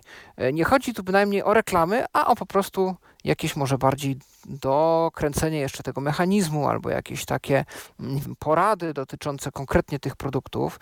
E, Testowane to było na różnych y, rodzajach też y, skóry przez osoby o różnej etniczności, no bo warto podkreślić, że na przykład osoby czarnoskóre trochę inaczej się malują niż, niż, ym, niż osoby o takiej urodzie białej, urodzie europejskiej. No i na razie aplikacja dostępna jest jedynie w Wielkiej Brytanii. Jest oczywiście plan, żeby uruchomić i na iPhone'a, jest oczywiście plan, żeby uruchomić i na Androida, i na inne kraje. Na razie mówi się o Ameryce Północnej, więc ewidentnie gdzieś ten obszar anglojęzyczny e, ma prowadzenie, natomiast e, no może z czasem e, też e, zobaczymy to i na polskim rynku, może nawet przetłumaczone, kto wie. No jest to w każdym razie ciekawe. Ciekaw jestem, na ile e, rzeczywiście pomocne jest takie rozwiązanie, bo ze sztuczną inteligencją no to różnie bywa. E, Kończy się niestety rozwój e, klienta webowego Mastodona Pinafore, który e, demonstrowaliśmy w ramach naszej audycji mastodonowej. Autor stwierdził, że już nie, jest w stanie go dalej rozwijać. No i co to dla nas oznacza? E, No, w dużej części kończy się kolejny klient, y, taki ciekawy, który był y, bardzo dostępny, dużo bardziej niż oficjalny interfejs Mastodona. E, Natomiast jeden z, jeden z, jedna z osób, które dokładały też swoją cegiełkę do tego, by ten e, klient był dostępny, postanowiła utrzymywać dalej fork, czyli jakby kopię tego projektu, swoją wersję, w której będzie się skupiać głównie na rozwoju dostępności. Na razie jeszcze nie mam adresu tego forka, żeby móc z niego korzystać. Natomiast no to fajnie, że ktoś o nas pomyślał i będzie chciał pod naszym kontem gdzieś tego klienta rozwijać. Mam nadzieję, że ten rozwój gdzieś dalej potoczy, że ktoś mu podejmie wyzwanie i zajmie się naprawdę już całościowym rozwojem projektów. Projektu, bo Pinafor to jeden projekt. E, po trzecie, Media Hotkey jest to rozszerzenie do Chroma, które pozwala nam na używanie e, no, tych właśnie skrótów klawiszowych, które znamy z YouTube'a, czyli K play pauza, JL przewijanie o 10 sekund, strzałki lewo-prawo o 5 sekund, mniejsze, znak mniejszości, znak większości, spowalnianie lub przyspieszanie odtwarzania, klawisze 1 do 9, e, skakanie o 10% w danym materiale, e, F pełny ekran, M wyciszanie. E, na, na dowolnym elemencie typu media, czyli wszystko co w HTML5 jest natywnie zakodowane jako media, na dowolnej stronie internetowej, czyli jeżeli mamy tam aplikację odtwarzacz i jest jakieś audio lub wideo, no to prawdopodobnie możemy tymi skrótami ten materiał obsługiwać. Y, Ctrl M to skrót klawiszowy, którym włączamy lub wyłączamy te skróty klawiszowe z dodatku. No i dodatek można zainstalować ze sklepu Chrome Web Store y, i go używać. Poprawiła się dostępność dwóch aplikacji. Po pierwsze V-Radio. Nie wiem do końca co się poprawiło. Zdaje się, że chodzi o to, że E, od teraz będzie odczytywany przy e, stacjach zaimportowanych przez, przez nas z plików e, bitrate i no, no, no bitrate i różne jakości, tam i kodek chyba, tak, bitrate i kodek danej stacji. To chy chyba o to chodzi, bo nie zauważyłem jakiejś poprawy, jest jeszcze kilka niezaetykietowanych przycisków. Natomiast poprawki są, tak zgłaszają francuscy użytkownicy, w aplikacji MyCanal, czyli Kanal Plus y, na y, nasze urządzenia mobilne.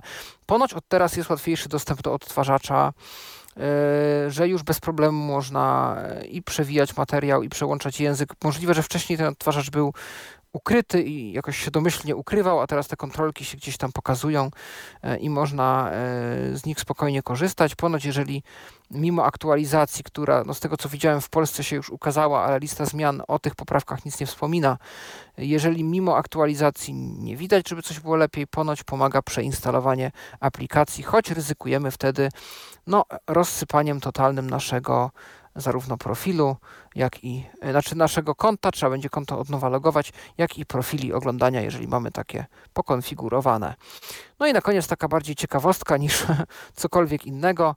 E, jeżeli używacie e, zegara Google, na ten moment zdaje się, że na Pixelu lub jeżeli wgraliście sobie jakoś innym sposobem rejestrator dźwięku z Pixela, to w Waszej aplikacji zegar pojawi się możliwość nagrywania własnych dźwięków alarmu mikrofonem. No, nie wiem komu by się to mogło przydać, ale taka możliwość jest. No więc o niej informuję. I to wszystko, jeśli chodzi o drobne newsy. Ale to nie wszystko, jeżeli chodzi o newsy w ogóle, ale tym razem już newsy ode mnie, dotyczący, no, jak to u mnie często bywa, dźwięku, bo pojawił się kolejny program, skrypt, jak to nazwać, poprawiający dostępność niektórych instrumentów wirtualnych. E, konkretnie chodzi tutaj o syntezator Serum, potem Icarus od Tone, no tu pewnie, no Tone 2 się pisze. E, I to jest napisane, że wersja 1X, czyli pewnie wszystkie wersje do 1 tam ileś. Native Instruments Contact 6 i Contact 7, który jest napisane, że dostępny tylko częściowo. Znaczy generalnie te samplery kontakt są dostępne częściowo, ale kontakt 7 jest dostępny mniej, dlatego że tam jest dużo więcej problemów. Tam ten interfejs podobno jest, y, on się potrafi mm, skalować w zależności od monitora, czegoś jeszcze i ponoć on jest bardzo trudny do zrobienia, znaczy do udostępnienia, bo to i tak y, polega często na klikaniu w odpowiednie miejsce ekranu, tylko to problem polega na tym, jak wybrać to odpowiednie miejsce ekranu i w przypadku kontaktu 7 nie jest wcale to takie mm, łatwe. No i co? To jest y, program napisany w AutoHotKeyu. W związku z powyższym on jest y, niezależny od screenera. JAWS, Windows, nasze Windows, nie wiem, czy, czy to obsługuje, bo to y, działa z tym Speech Output, to się chyba tak nazywa ta no biblioteka. to Windows zdaje się to obsługiwał kiedyś, no tylko, że w Windows to już dziś...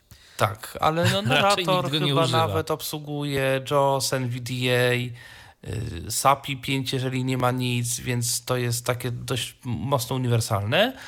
Y, Tam jest chyba skrót Ctrl-Alt-V i to chyba trzeba wciskać Ctrl-Alt, a nie prawy Alt. Więc Ctrl-Alt, lewy Ctrl i lewy Alt-V. Znaczy Ctrl wszystko jedno, ale lewy Alt-V. Tam się otwiera takie menu, y, w którym trzeba, znaczy w którym można sobie wybierać opcje dostępne w poszczególnym syntezatorze.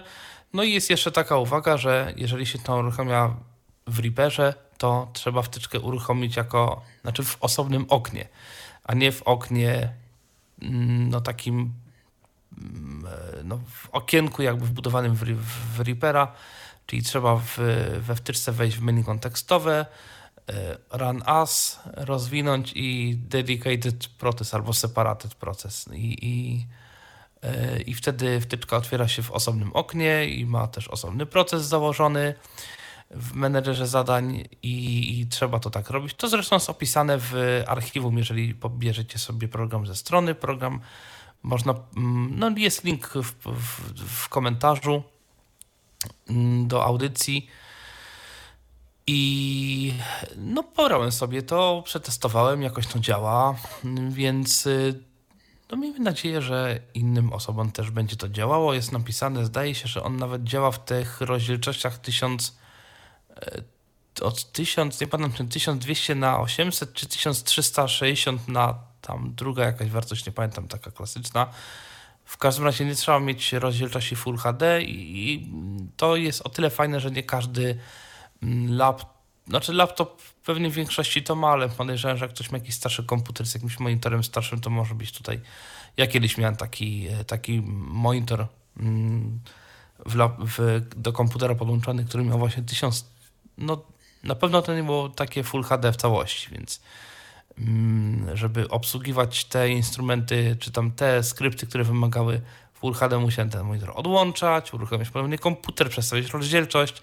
Jak podłączałem ten monitor, to ona znowu się zmieniała, bo on sobie ją automatycznie przestawiał, więc mm, to były takie różne ciekawe rzeczy. W każdym razie mm, zdaje się, że te skrypty nieco mają większą tolerancję na rozdzielczości. Nie wiem, jak nam wygląda kwestia maksymalnej rozdzielczości. Mam nadzieję, że będzie to działać również u innych, nie tylko u mnie. A teraz coś dla fanów sportu i to takiego dosyć nietypowego sportu jak e, dla niewidomych, bo mm, niewidomi ponoć zagrają po raz pierwszy na Australian Open. tak, czyli tenis ziemny.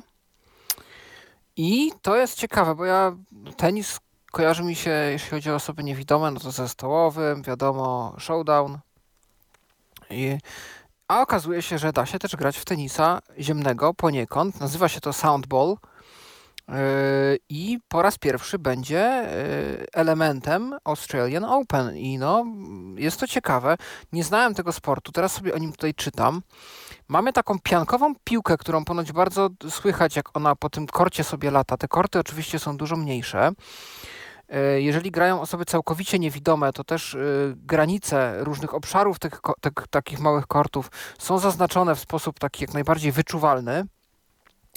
I naszym zadaniem jest wysłyszeć, jak ta piankowa piłeczka sobie leci i ją odbić. E, Ponoć w przypadku osób niewidomych całkowicie dozwolone są trzy odbicia piłki na naszej stronie. Jeżeli piłka zdaje się no, gdzieś tam leci w naszą stronę i ona się nam poodbija trochę, no to u nas dozwolone są trzy odbicia.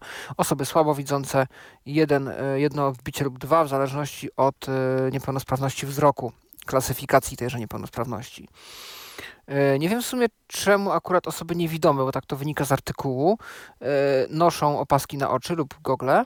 To znaczy wydawałoby mi się, że osoby widzące. Aha, możliwe, że osoby widzące grając z całkowicie niewidomymi, bo jest to możliwe, żeby grać też z widzącymi.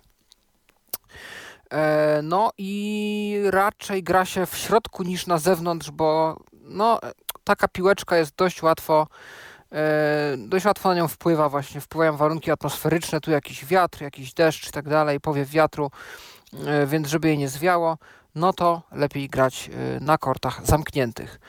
Smutna rzecz w tym wszystkim jest taka, że te piłeczki nie wytrzymują długo, bo po dwóch grach one są praktycznie nie do użytku. I to jest też powód, dla którego ten sport nie jest zbyt popularny, bo koszt produkcji i dystrybucji tych piłeczek no jest dość duży z uwagi na to, że co chwilę trzeba je wymieniać. Ale mimo to Australian Open wita e, osoby, teraz kilka, kilka osób się zmierzy w tego typu pierwszych zawodach. I nie jest to pierwsze e, podejście do kwestii osób niepełnosprawnych, bo już wcześniej był w czasie Australian Open e, przeprowadzany mecz tenisa na wózku E, teraz też ma być e, tenis dla osób e, niepełnosprawnych intelektualnie i w przyszłości, chyba za rok, też ma być właśnie taki miks, że dla osób niepełnosprawnych intelektualnie i niewidomych i słabowidzących. Jeżeli dobrze tutaj czytam artykuł. No a jeśli chodzi jeszcze o ten rok, to zdaje się, że również ta część y, zawodów, czyli właśnie te zawody osób z dysfunkcją wzroku, będą transmitowane w tym systemie Action Audio, czyli ten system taki znany, z którego Australian Open słynie, mm, w którym y, specjalny program komputerowy transmituje trajektorię, jakby upadanie piłeczki y, tenisowej w formie dźwięku przestrzennego, dźwięku stereo no, na streamie, tak aby osoba niewidoma miała to wyobrażenie, jak ta piłeczka sobie lata. No to co? Kiedy pierwsza reprezentacja Polaków, albo kiedy pierwsi reprezentanci lub reprezentantki Polski w Australian Open z naszego środowiska? Ja jestem ciekaw i będę kibicował. Dokładnie. Przechodzimy do technikaliów i no, pierwszy news znowu od Pawła, czyli nowość od Apple'a. Tak, yy, przede wszystkim myślę, że taką nowością od Apple jest to, mówiliśmy o tym tydzień temu, że Apple się zasadza na to na jakieś okulary, tu jakieś AR, VR. Już wiemy o tym trochę więcej. Y, dużo dość newsów było tydzień temu, natomiast y, i to było też dzięki Bloombergowi. No a teraz dzięki Bloombergowi wiemy inną znowu rzecz, że okularów VR mm, to znaczy okularów rozszerzonej rzeczywistości, takich, które będziemy prawdopodobnie ze sobą gdzieś tam nosić po ulicy i, i, i coś nimi rozpoznawać w najbliższym czasie nie będzie, bo Apple na ten moment wszystkie siły przerobowe koncentruje na headsetie do AR i VR, czyli bardziej wirtualna rzeczywistość, bardziej um, rozszerzona rzeczywistość, ale raczej w grach, w takim świecie wirtualnym. E, tutaj celem Apple jest na ten moment e, stworzenie konkurencji dla Meta, i ich metaversum. E, no i, i, to na ten moment jest priorytetem, a nie okulary, które mogłyby zastąpić gdzieś tam Envision Glasses. Jest to dość dynamiczny rozwój sytuacji. E, co chwilę dowiadujemy się czegoś nowego. E, no i teraz wygląda na to, że na razie ten, ten headset to jest to, co powinno wyjść w tym roku. Natomiast za rok to, co mogłoby ewentualnie wyjść, to troszkę tańsza i okrojona wersja tego zestawu do mieszanej rzeczywistości. Więc jeżeli czekaliście na to, że mm, okulary od Apple, które pomogą nam jakoś, nie wiem, czytać tekst, nawigować, rozpoznawać obiekty i tak dalej, nadejdą, no to na ten moment będziemy musieli znowu kilka lat pewnie poczekać, przynajmniej tak według raportu Bloomberga. Natomiast y, rzeczy, które jednak wyszły i się ukazały, no to mamy od wczoraj nowe Maki e, w nowych konfiguracjach z M2 e, i czego się tu dowiadujemy. To będzie pierwsza premiera Apple w 2023, jeśli potwierdzą się nieoficjalne e, doniesienia o planach zaprezentowania nowych wersji MacBooków i Mac Mini. Czego możemy się spodziewać? To czy w międzyczasie już to są oficjalne informacje. Tak, i zobaczymy nowe wersje MacBooków i Maca Mini. E, najważniejsze zmiany będą dotyczyć wydajności, e, czyli 14 e, i 16 calowe Maki otrzymają M2 i M2 Max.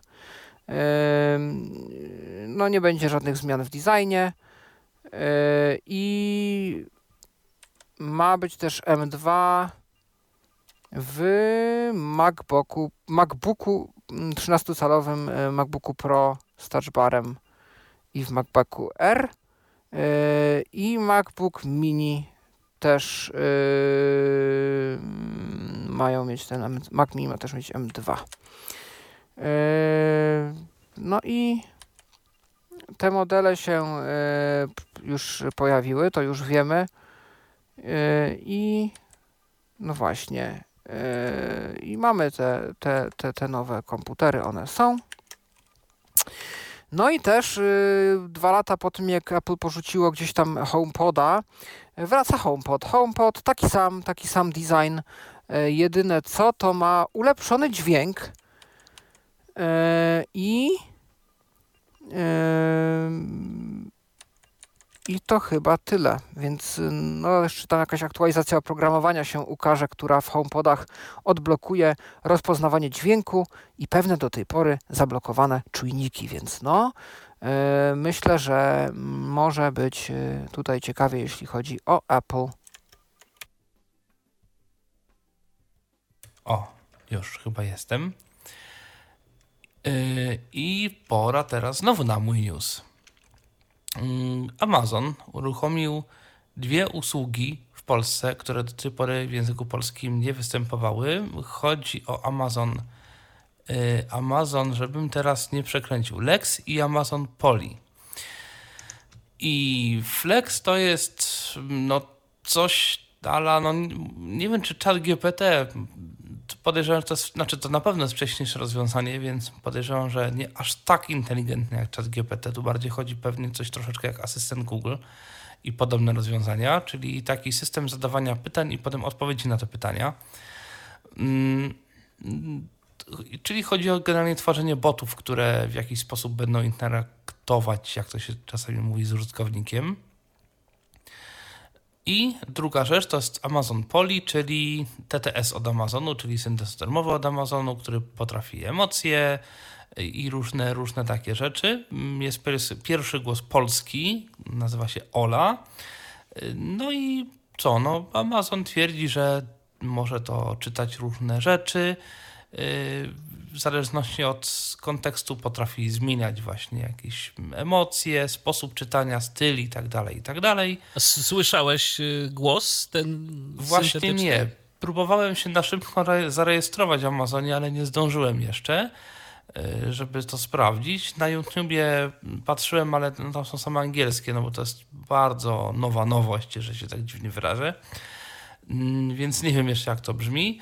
No i no, są jakieś nadzieje, że być może no, są jakieś przymiarki do uruchomienia w końcu Aleksy po polsku, no bo skoro jest już neuronowy syntezator polski, jest już system do tworzenia polskich botów, no to być może asystent y, Amazona też za jakiś czas yy, się pojawi, no bo skoro już są te rzeczy, no to, no to jest taki fundament, na którym, ten, y, na którym Alexa jest. Y, także Jestem no, bardzo nadzieję, ciekaw, że... jak ta y, Ola przypomina i czy w ogóle przypomina któryś z głosów Iwony.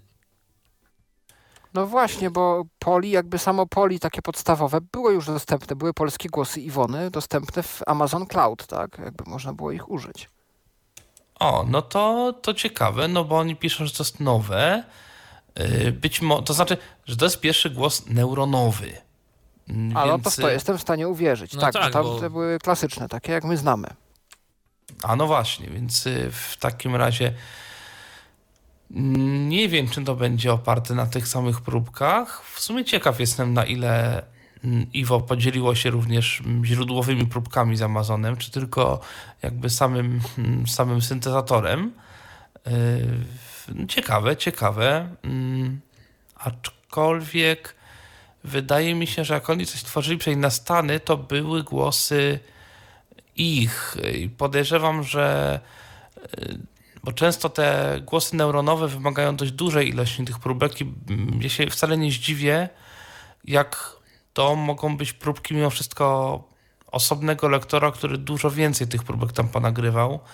Mm, zaczynam się powoli, powolutku dowiadywać, ile taki porządny syntezator neuronowy powinien tych próbek mieć.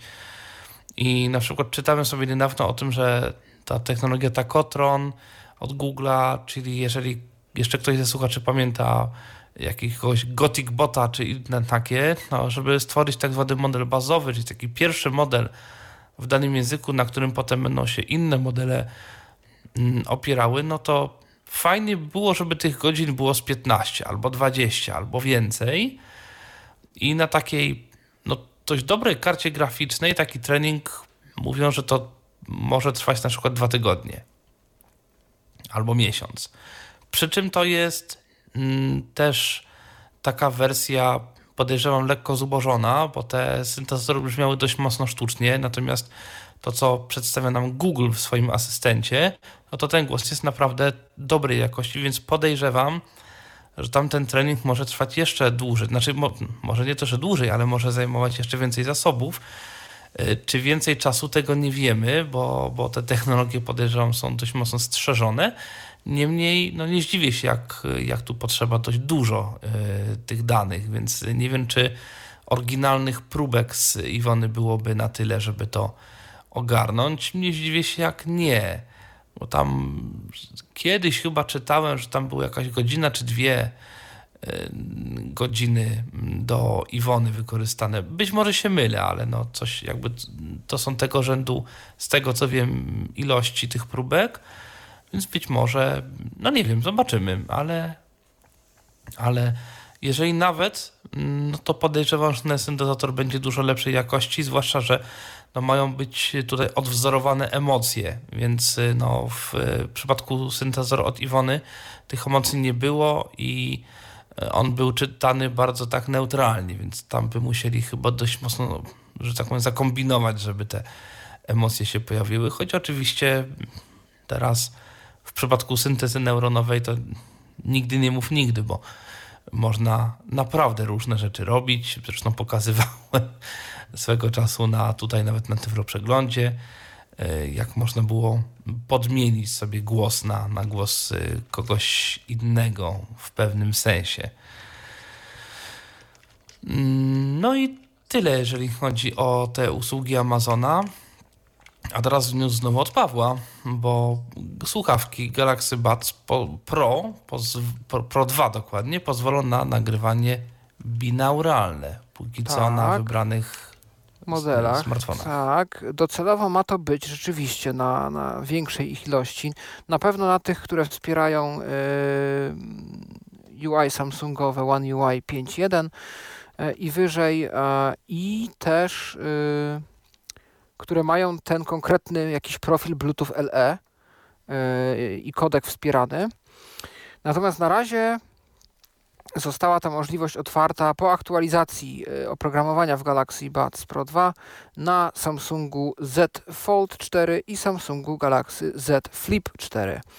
No więc wątpię, żeby ktokolwiek z nas taki telefon posiadał. E, aczkolwiek są osoby niewidome, które sobie takie, takie telefony sprawiają, e, tak ogólnie. E, natomiast na tych telefonach i to na razie tylko chyba w aplikacji aparatu i bardzo jest to szeroko reklamowane jako coś, co uzupełnia nam dźwięk w filmach, ale no istotnie mikrofony są wykorzystywane i można nagrywać w ten sposób dźwięk. Próbek jak na ten moment brak. Jak się pokażą, pewnie damy znać. Mm, a teraz y, taki news, mm, który wpisał Michał, aczkolwiek mi też mm, podejrzewam, Michał, że ty dostałeś maila od Dipla. Nie, nie dostałem maila od Dipla. Ja Widziałem gdzieś y, Wczoraj. w mediach y, społecznościowych, że Tomasz Zieliński, czyli niejaki informatyk zakładowy, który właśnie w DeepL pracuje, on dość mocno promował to rozwiązanie, mianowicie DeepL Ride. Zachęcał, żeby przetestować.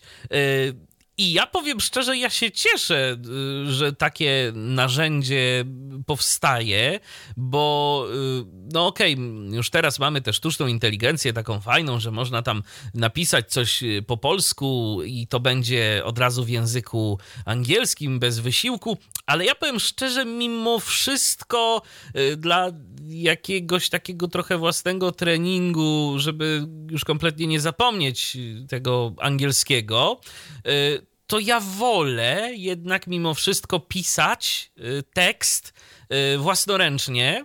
On jest oczywiście zapewne mm, nie wolny od błędów, ale po to jest właśnie DeepL Write, bo działa to w ten sposób, że wklejamy nasz tekst w języku obcym dla nas. E, na razie tam jest wspierany na pewno angielski, brytyjski, amerykański, niemiecki i chyba tyle. E, natomiast wklejamy ten tekst mm, i otrzymujemy popraw, e, i otrzymujemy w polu poniżej tekst poprawiony, który możemy gdzieś tam sobie wkleić do maila czy na komunikator, no gdziekolwiek byśmy chcieli go wysłać. Y, z opisu mm, ponoć ten DeepL potrafi więcej, ten DeepL Write. Y, ja się nim chwilę bawiłem i powiem szczerze, być może za krótko, bo nie udało mi się dotrzeć do tych elementów, o, którym, o których y, czytałem. To znaczy, że tam na przykład kliknij na słowo, otrzymasz sugestie różne, mm, albo że można tam zmieniać sobie ten kontekst, stopień formalności. Do tego jakoś dotrzeć mi się nie udało i mam wrażenie, że z dostępnością tego może być problem, chociaż być może no, ktoś się bawił więcej ode mnie i miał lepsze wyniki. Nie wiem, Tomku, czy ty coś testowałeś bardziej? Nie, ja nie testowałem. Więc y, na pewno w podstawowej wersji to działa. Wklejamy po prostu w jedno pole tekst, w drugim polu dostajemy y, tekst poprawiony. Ja polecam, y, będę używał. To, to jest taka alternatywa do Grammarly, zdaje się, tak? Dostępna bardziej, bo Grammarly chyba w podobny sposób działa, że poprawia nasz angielski na bardziej angielski. Tylko, że dostępnością to to nigdy nie grzeszyło. A tu przynajmniej, jeżeli chcesz uzyskać po prostu ten tekst, to, to bez problemu. No i to jest świetna wiadomość. Tak jest. Zostały jeszcze dwa newsy od Pawła. Pierwszy niezbyt pewnie wesoły, chociaż nie wiem w sumie ilu z nas korzysta y, z, z naszego z Twitterifika. W każdym razie, no, Twitter powoli zaczyna walkę z nieoficjalnymi aplikacjami, choć póki co tymi dużymi nieoficjalnymi aplikacjami. Tak, y, na razie aplikacje, które oberwały i to było bardzo, w bardzo takiej brutalnej atmosferze się to odbyło, bo bez jakiejkolwiek zapowiedzi, bez jakichś komunikatów, z kompletną ciszą przez zasadniczo cały weekend, od piątku wieczora naszego czasu, e, użytkownicy Tweetbota, Twitterific i Echofona przestali mieć dostęp do API Twittera. E, twórcy nie wiedzieli, co się dzieje. E, Twitter milczał. E, próbowali coś tam uratować. Tweetbot przez chwilę wrzucił jakąś aktualizację z jakimiś starymi kluczami, ale po chwili już te klucze zostały też zbanowane. No i gdzieś po weekendzie okazało się, że Twitter się do tego, gdzieś tam zarząd Twittera się odniósł i że jak najbardziej to była zmiana celowa. Bez kontekstu, nie ma dalej żadnej informacji, czy to będzie dotyczyło większej ilości klientów, czy to będzie oznaczało wyłączenie całego API. No nie wiadomo, te trzy klienty na razie oberwały. No podejrzenia są takie, że chodzi o to, że te klienty są największe i tak naprawdę w największym stopniu odbierają yy, udział yy, w tym twitterowym torcie aplikacji oficjalnej. No i o ile Tweetbota i Echofona to osoby niewidome jakoś tam specjalnie często nie używały, no to Twitteryfika już jak najbardziej i yy, no to jest tak naprawdę koniec to już jest potwierdzone przez autora. Autor napisał post na swoim blogu, gdzie no, nie bawi się już w język dyplomatyczny i parlamentarny, żeby opisać to, jak się poczuł, kiedy bez ostrzeżenia i bez jakiegoś wytłumaczenia jego aplikacja została po prostu odcięta. A jest to jedna ze starszych aplikacji, jeden ze starszych klientów Twittera, takich, które no, poniekąd wyznaczał standardy i w czasach, kiedy Twitter był jeszcze taką ledwo rozwijającą się platformą, to Twitterific był inspiracją wielu funkcji, które później pojawiły się rzeczywiście w samej platformie. I był to taki jeszcze czas, kiedy no, Twitter gdzieś się liczył z tymi e, użytkownikami, z deweloperami zewnętrznymi i tak dalej. Natomiast no, zostali pożegnani dość ozięble. E, no, ale wiemy też, że e, sam twórca Twitterifica na laurach nie spocznie, bo planuje napisał właśnie, że to, co go najbardziej kręciło w tworzeniu Twitterifika, to było to odkrywanie takiego niezbadanego terenu, e, jakieś ustalanie nowych protokołów, że w sumie w takim ledwo co wykształconym serwisie tworzyło się jakieś nowe funkcje, jakieś nowe standardy. I on by chciał coś takiego teraz dokonać na skalę całego Fediversum, więc prawdopodobnie szykuje się nam jakiś taki uniwersalny mega klient różnych rodzajów y, tych sfederowanych sieci, tego Fediversum czy ActivityPub. Brzmi to z, na duży rozmach. Jestem bardzo ciekaw, co z tego wyjdzie. Na pewno y, będziemy mogli liczyć na to, że aplikacja będzie dostępna, bo na to ze strony Icon Factory można zawsze było liczyć, więc y, no nie sądzę, żeby było i w tym przypadku inaczej. No i ja czekam z zapartym tchem, natomiast y, pytanie, co będzie dalej, tak? Jeśli chodzi o Twittera, czy to na razie tak tylko te, te, te ci, co bardziej gdzieś tam yy, się wychylali, yy, oberwali jakimiś sankcjami, czy yy, to zmierza w stronę totalnego zamknięcia całego API, no bo wtedy pamiętajcie, że polecą wszystkie klienty, które, z których korzystamy my jako osoby niewidome, czyli TV Blue, czyli Twistcake, Chicken Nugget, The Cube, jeśli ktoś jeszcze używa, jeśli w ogóle się jeszcze da, tam Open Twin, jak ktoś używał, czy Quinter, inne takie różne, to wszystko no, nie będzie miało możliwości, żeby się komunikować. Ja widziałem już jakieś raporty, że Spring też przestał działać, ale nie potwierdzam. Nie potwierdzam, u mnie Spring nadal bez zarzutu. No i smutne to, no ale cóż poradzić. No, niemniej jednak, y, jeżeli korzystaliście, czy korzystacie z Twittera, to tak pomału chyba faktycznie czas myśleć o przesiadce w jakieś inne miejsce, bo i fajnie się do tego przygotować, bo no powiem szczerze, jeżeli ktoś y, korzystał z Twitterifika i to był jego główny klient, to z dnia na dzień tak naprawdę został pozbawiony dostępu do być może używanego przez siebie aktywnie medium społecznościowego. Tak, owszem. Owszem, i nawet to bez jakiejś, takie... wiesz, informacji takiej, że okej, okay, tak. to będzie, że macie powiedzmy miesiąc albo Dokładnie. ileś tam czasu. Nie, to była decyzja y, z dnia na dzień, wyłączenie wtyczki i koniec. Łącznie z tym, że sami twórcy nie wiedzieli, co powiedzieć klientom, którzy na przykład trzy dni temu kupili program. No tak. Y, I apka przestała działać. Niektórzy mieli powłączane jakieś subskrypcje i te subskrypcje tam za jakieś na y, w kwestii jednego dnia czy dwóch miały się odnowić no. I oni nie wiedzieli, czy wywalić apkę z App Store'a, czy zawiesić te subskrypcje, czy co z nimi zrobić, czy to wróci, nie wróci, jaki jest stan rzeczy. No, no tak się nie robi. No dokładnie. To już Shopee dłużej z Polski wychodziło. No, to prawda. No zobaczymy. W ogóle podobny, nie wiem czy wiecie coś na temat y, tej ustawy, o której chyba Mikołaj kiedyś mówił, że w Stanach ma być jakaś ustawa, która wymusza trochę na twórcach tych wielkich serwerów, żeby to, nie, żeby to było troszeczkę bardziej otwarte. No to w Europie mamy nasz cyfrowy akt, tak, który ma komunikatory w ten sposób ze sobą y, pogodzić. No zobaczymy, no. no zobaczymy. Zobaczymy. Y, no i został twój ostatni news odnośnie Netflixa, jeżeli tak. ktoś ogląda. Tak. I ma współdzielone konto. Tak, bo pojawiają się już powoli e, bliższe informacje, bo Netflix tak krąży wokół tego tematu, bo to jest taka trochę szara strefa, że ludzie dzielili te konta, że ktoś podał login e-maila i hasło tam w rodzinie komuś, a ta rodzina to niekoniecznie mieszkała w tym samym domu.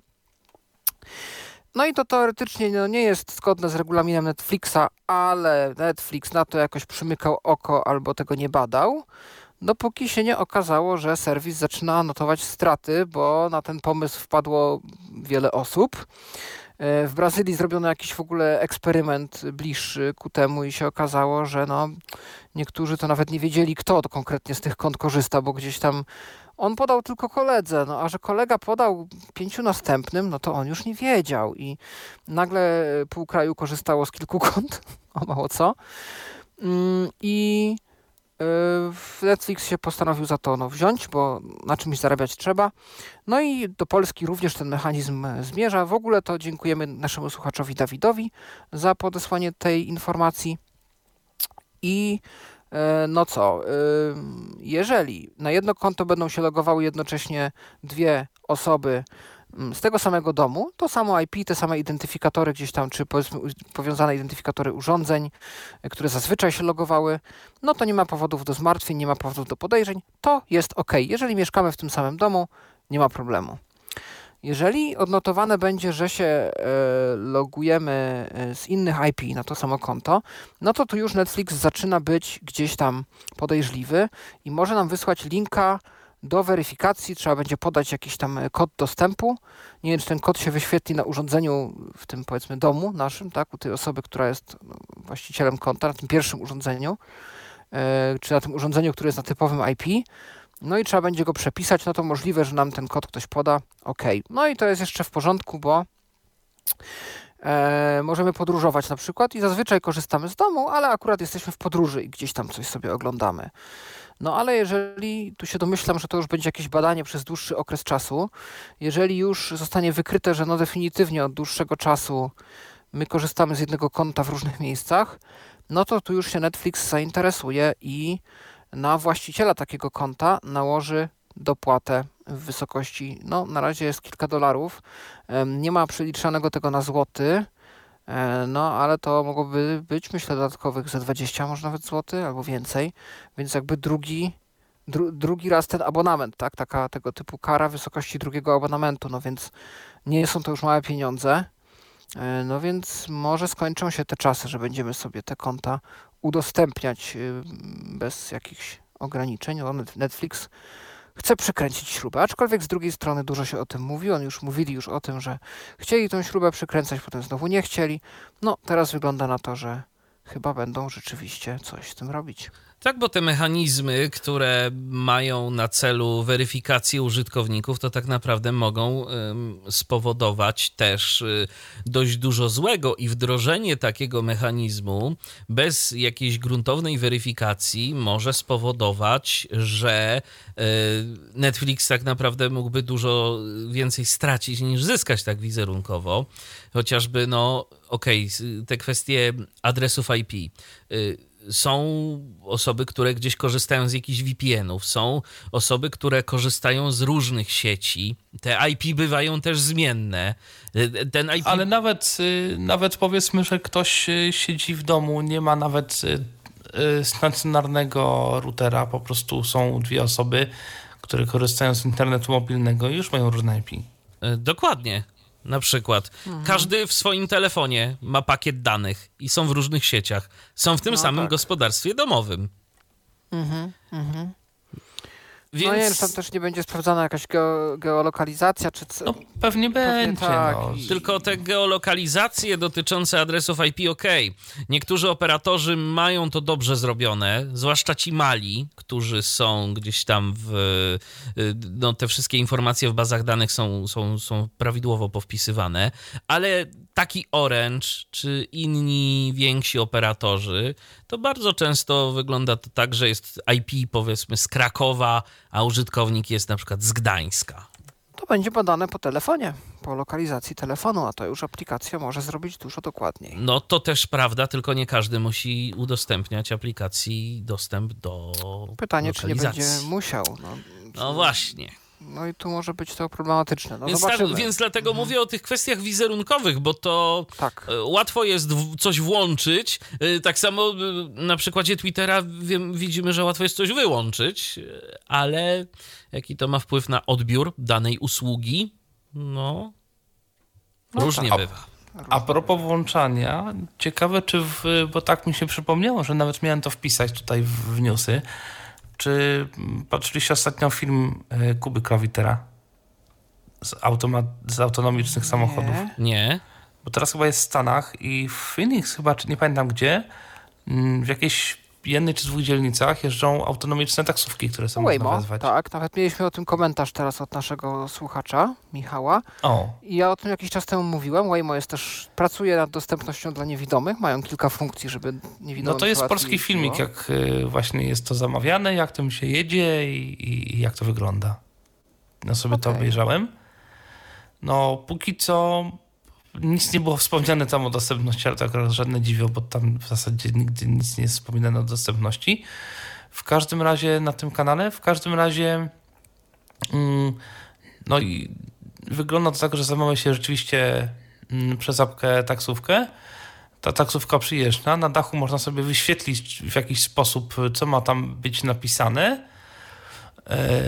Wsiada się do tej taksówki, tam jest jakaś kamera, czy kilka nawet, które obserwują na przykład, czy się ma zapięte pasy, e, tam może się dodzwonić jakiś, jakiś e, asystent, czyli żywy człowiek, z którym można porozmawiać, który teraz mówi właśnie, że, że są źle zapięte pasy, czy tam coś takiego się dzieje. I to jest normalnie żywy człowiek, z którym można porozmawiać.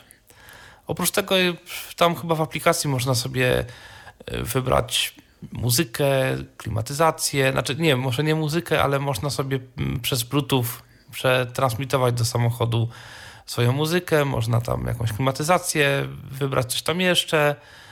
No i no, jest cały komentarz, jak się tym jechało i jak to działa. Także. No, to ciekawe. Mówię, to, to, to, jest. Z tego co wiem, nawet tam pracuje człowiek niewidomy, który się tymi sprawami zajmuje. No proszę, no to może, może kiedyś to do nas też dotrze i ciekaw jestem, jak to będzie u nas wyglądało. Ale to podejrzewam jeszcze trochę, bo to jest na razie gdzieś tam na bardzo ograniczonym terenie i podejrzewam, to muszą być jakieś kwestie prawne tu i w ogóle różne inne.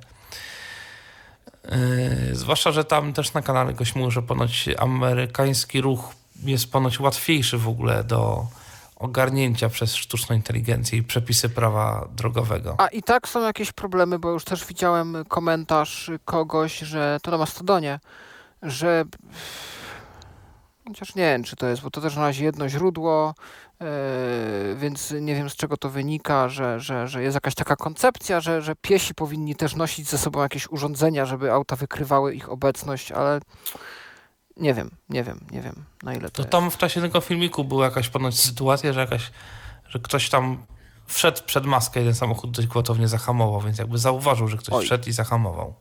Mhm. Yy, także tak.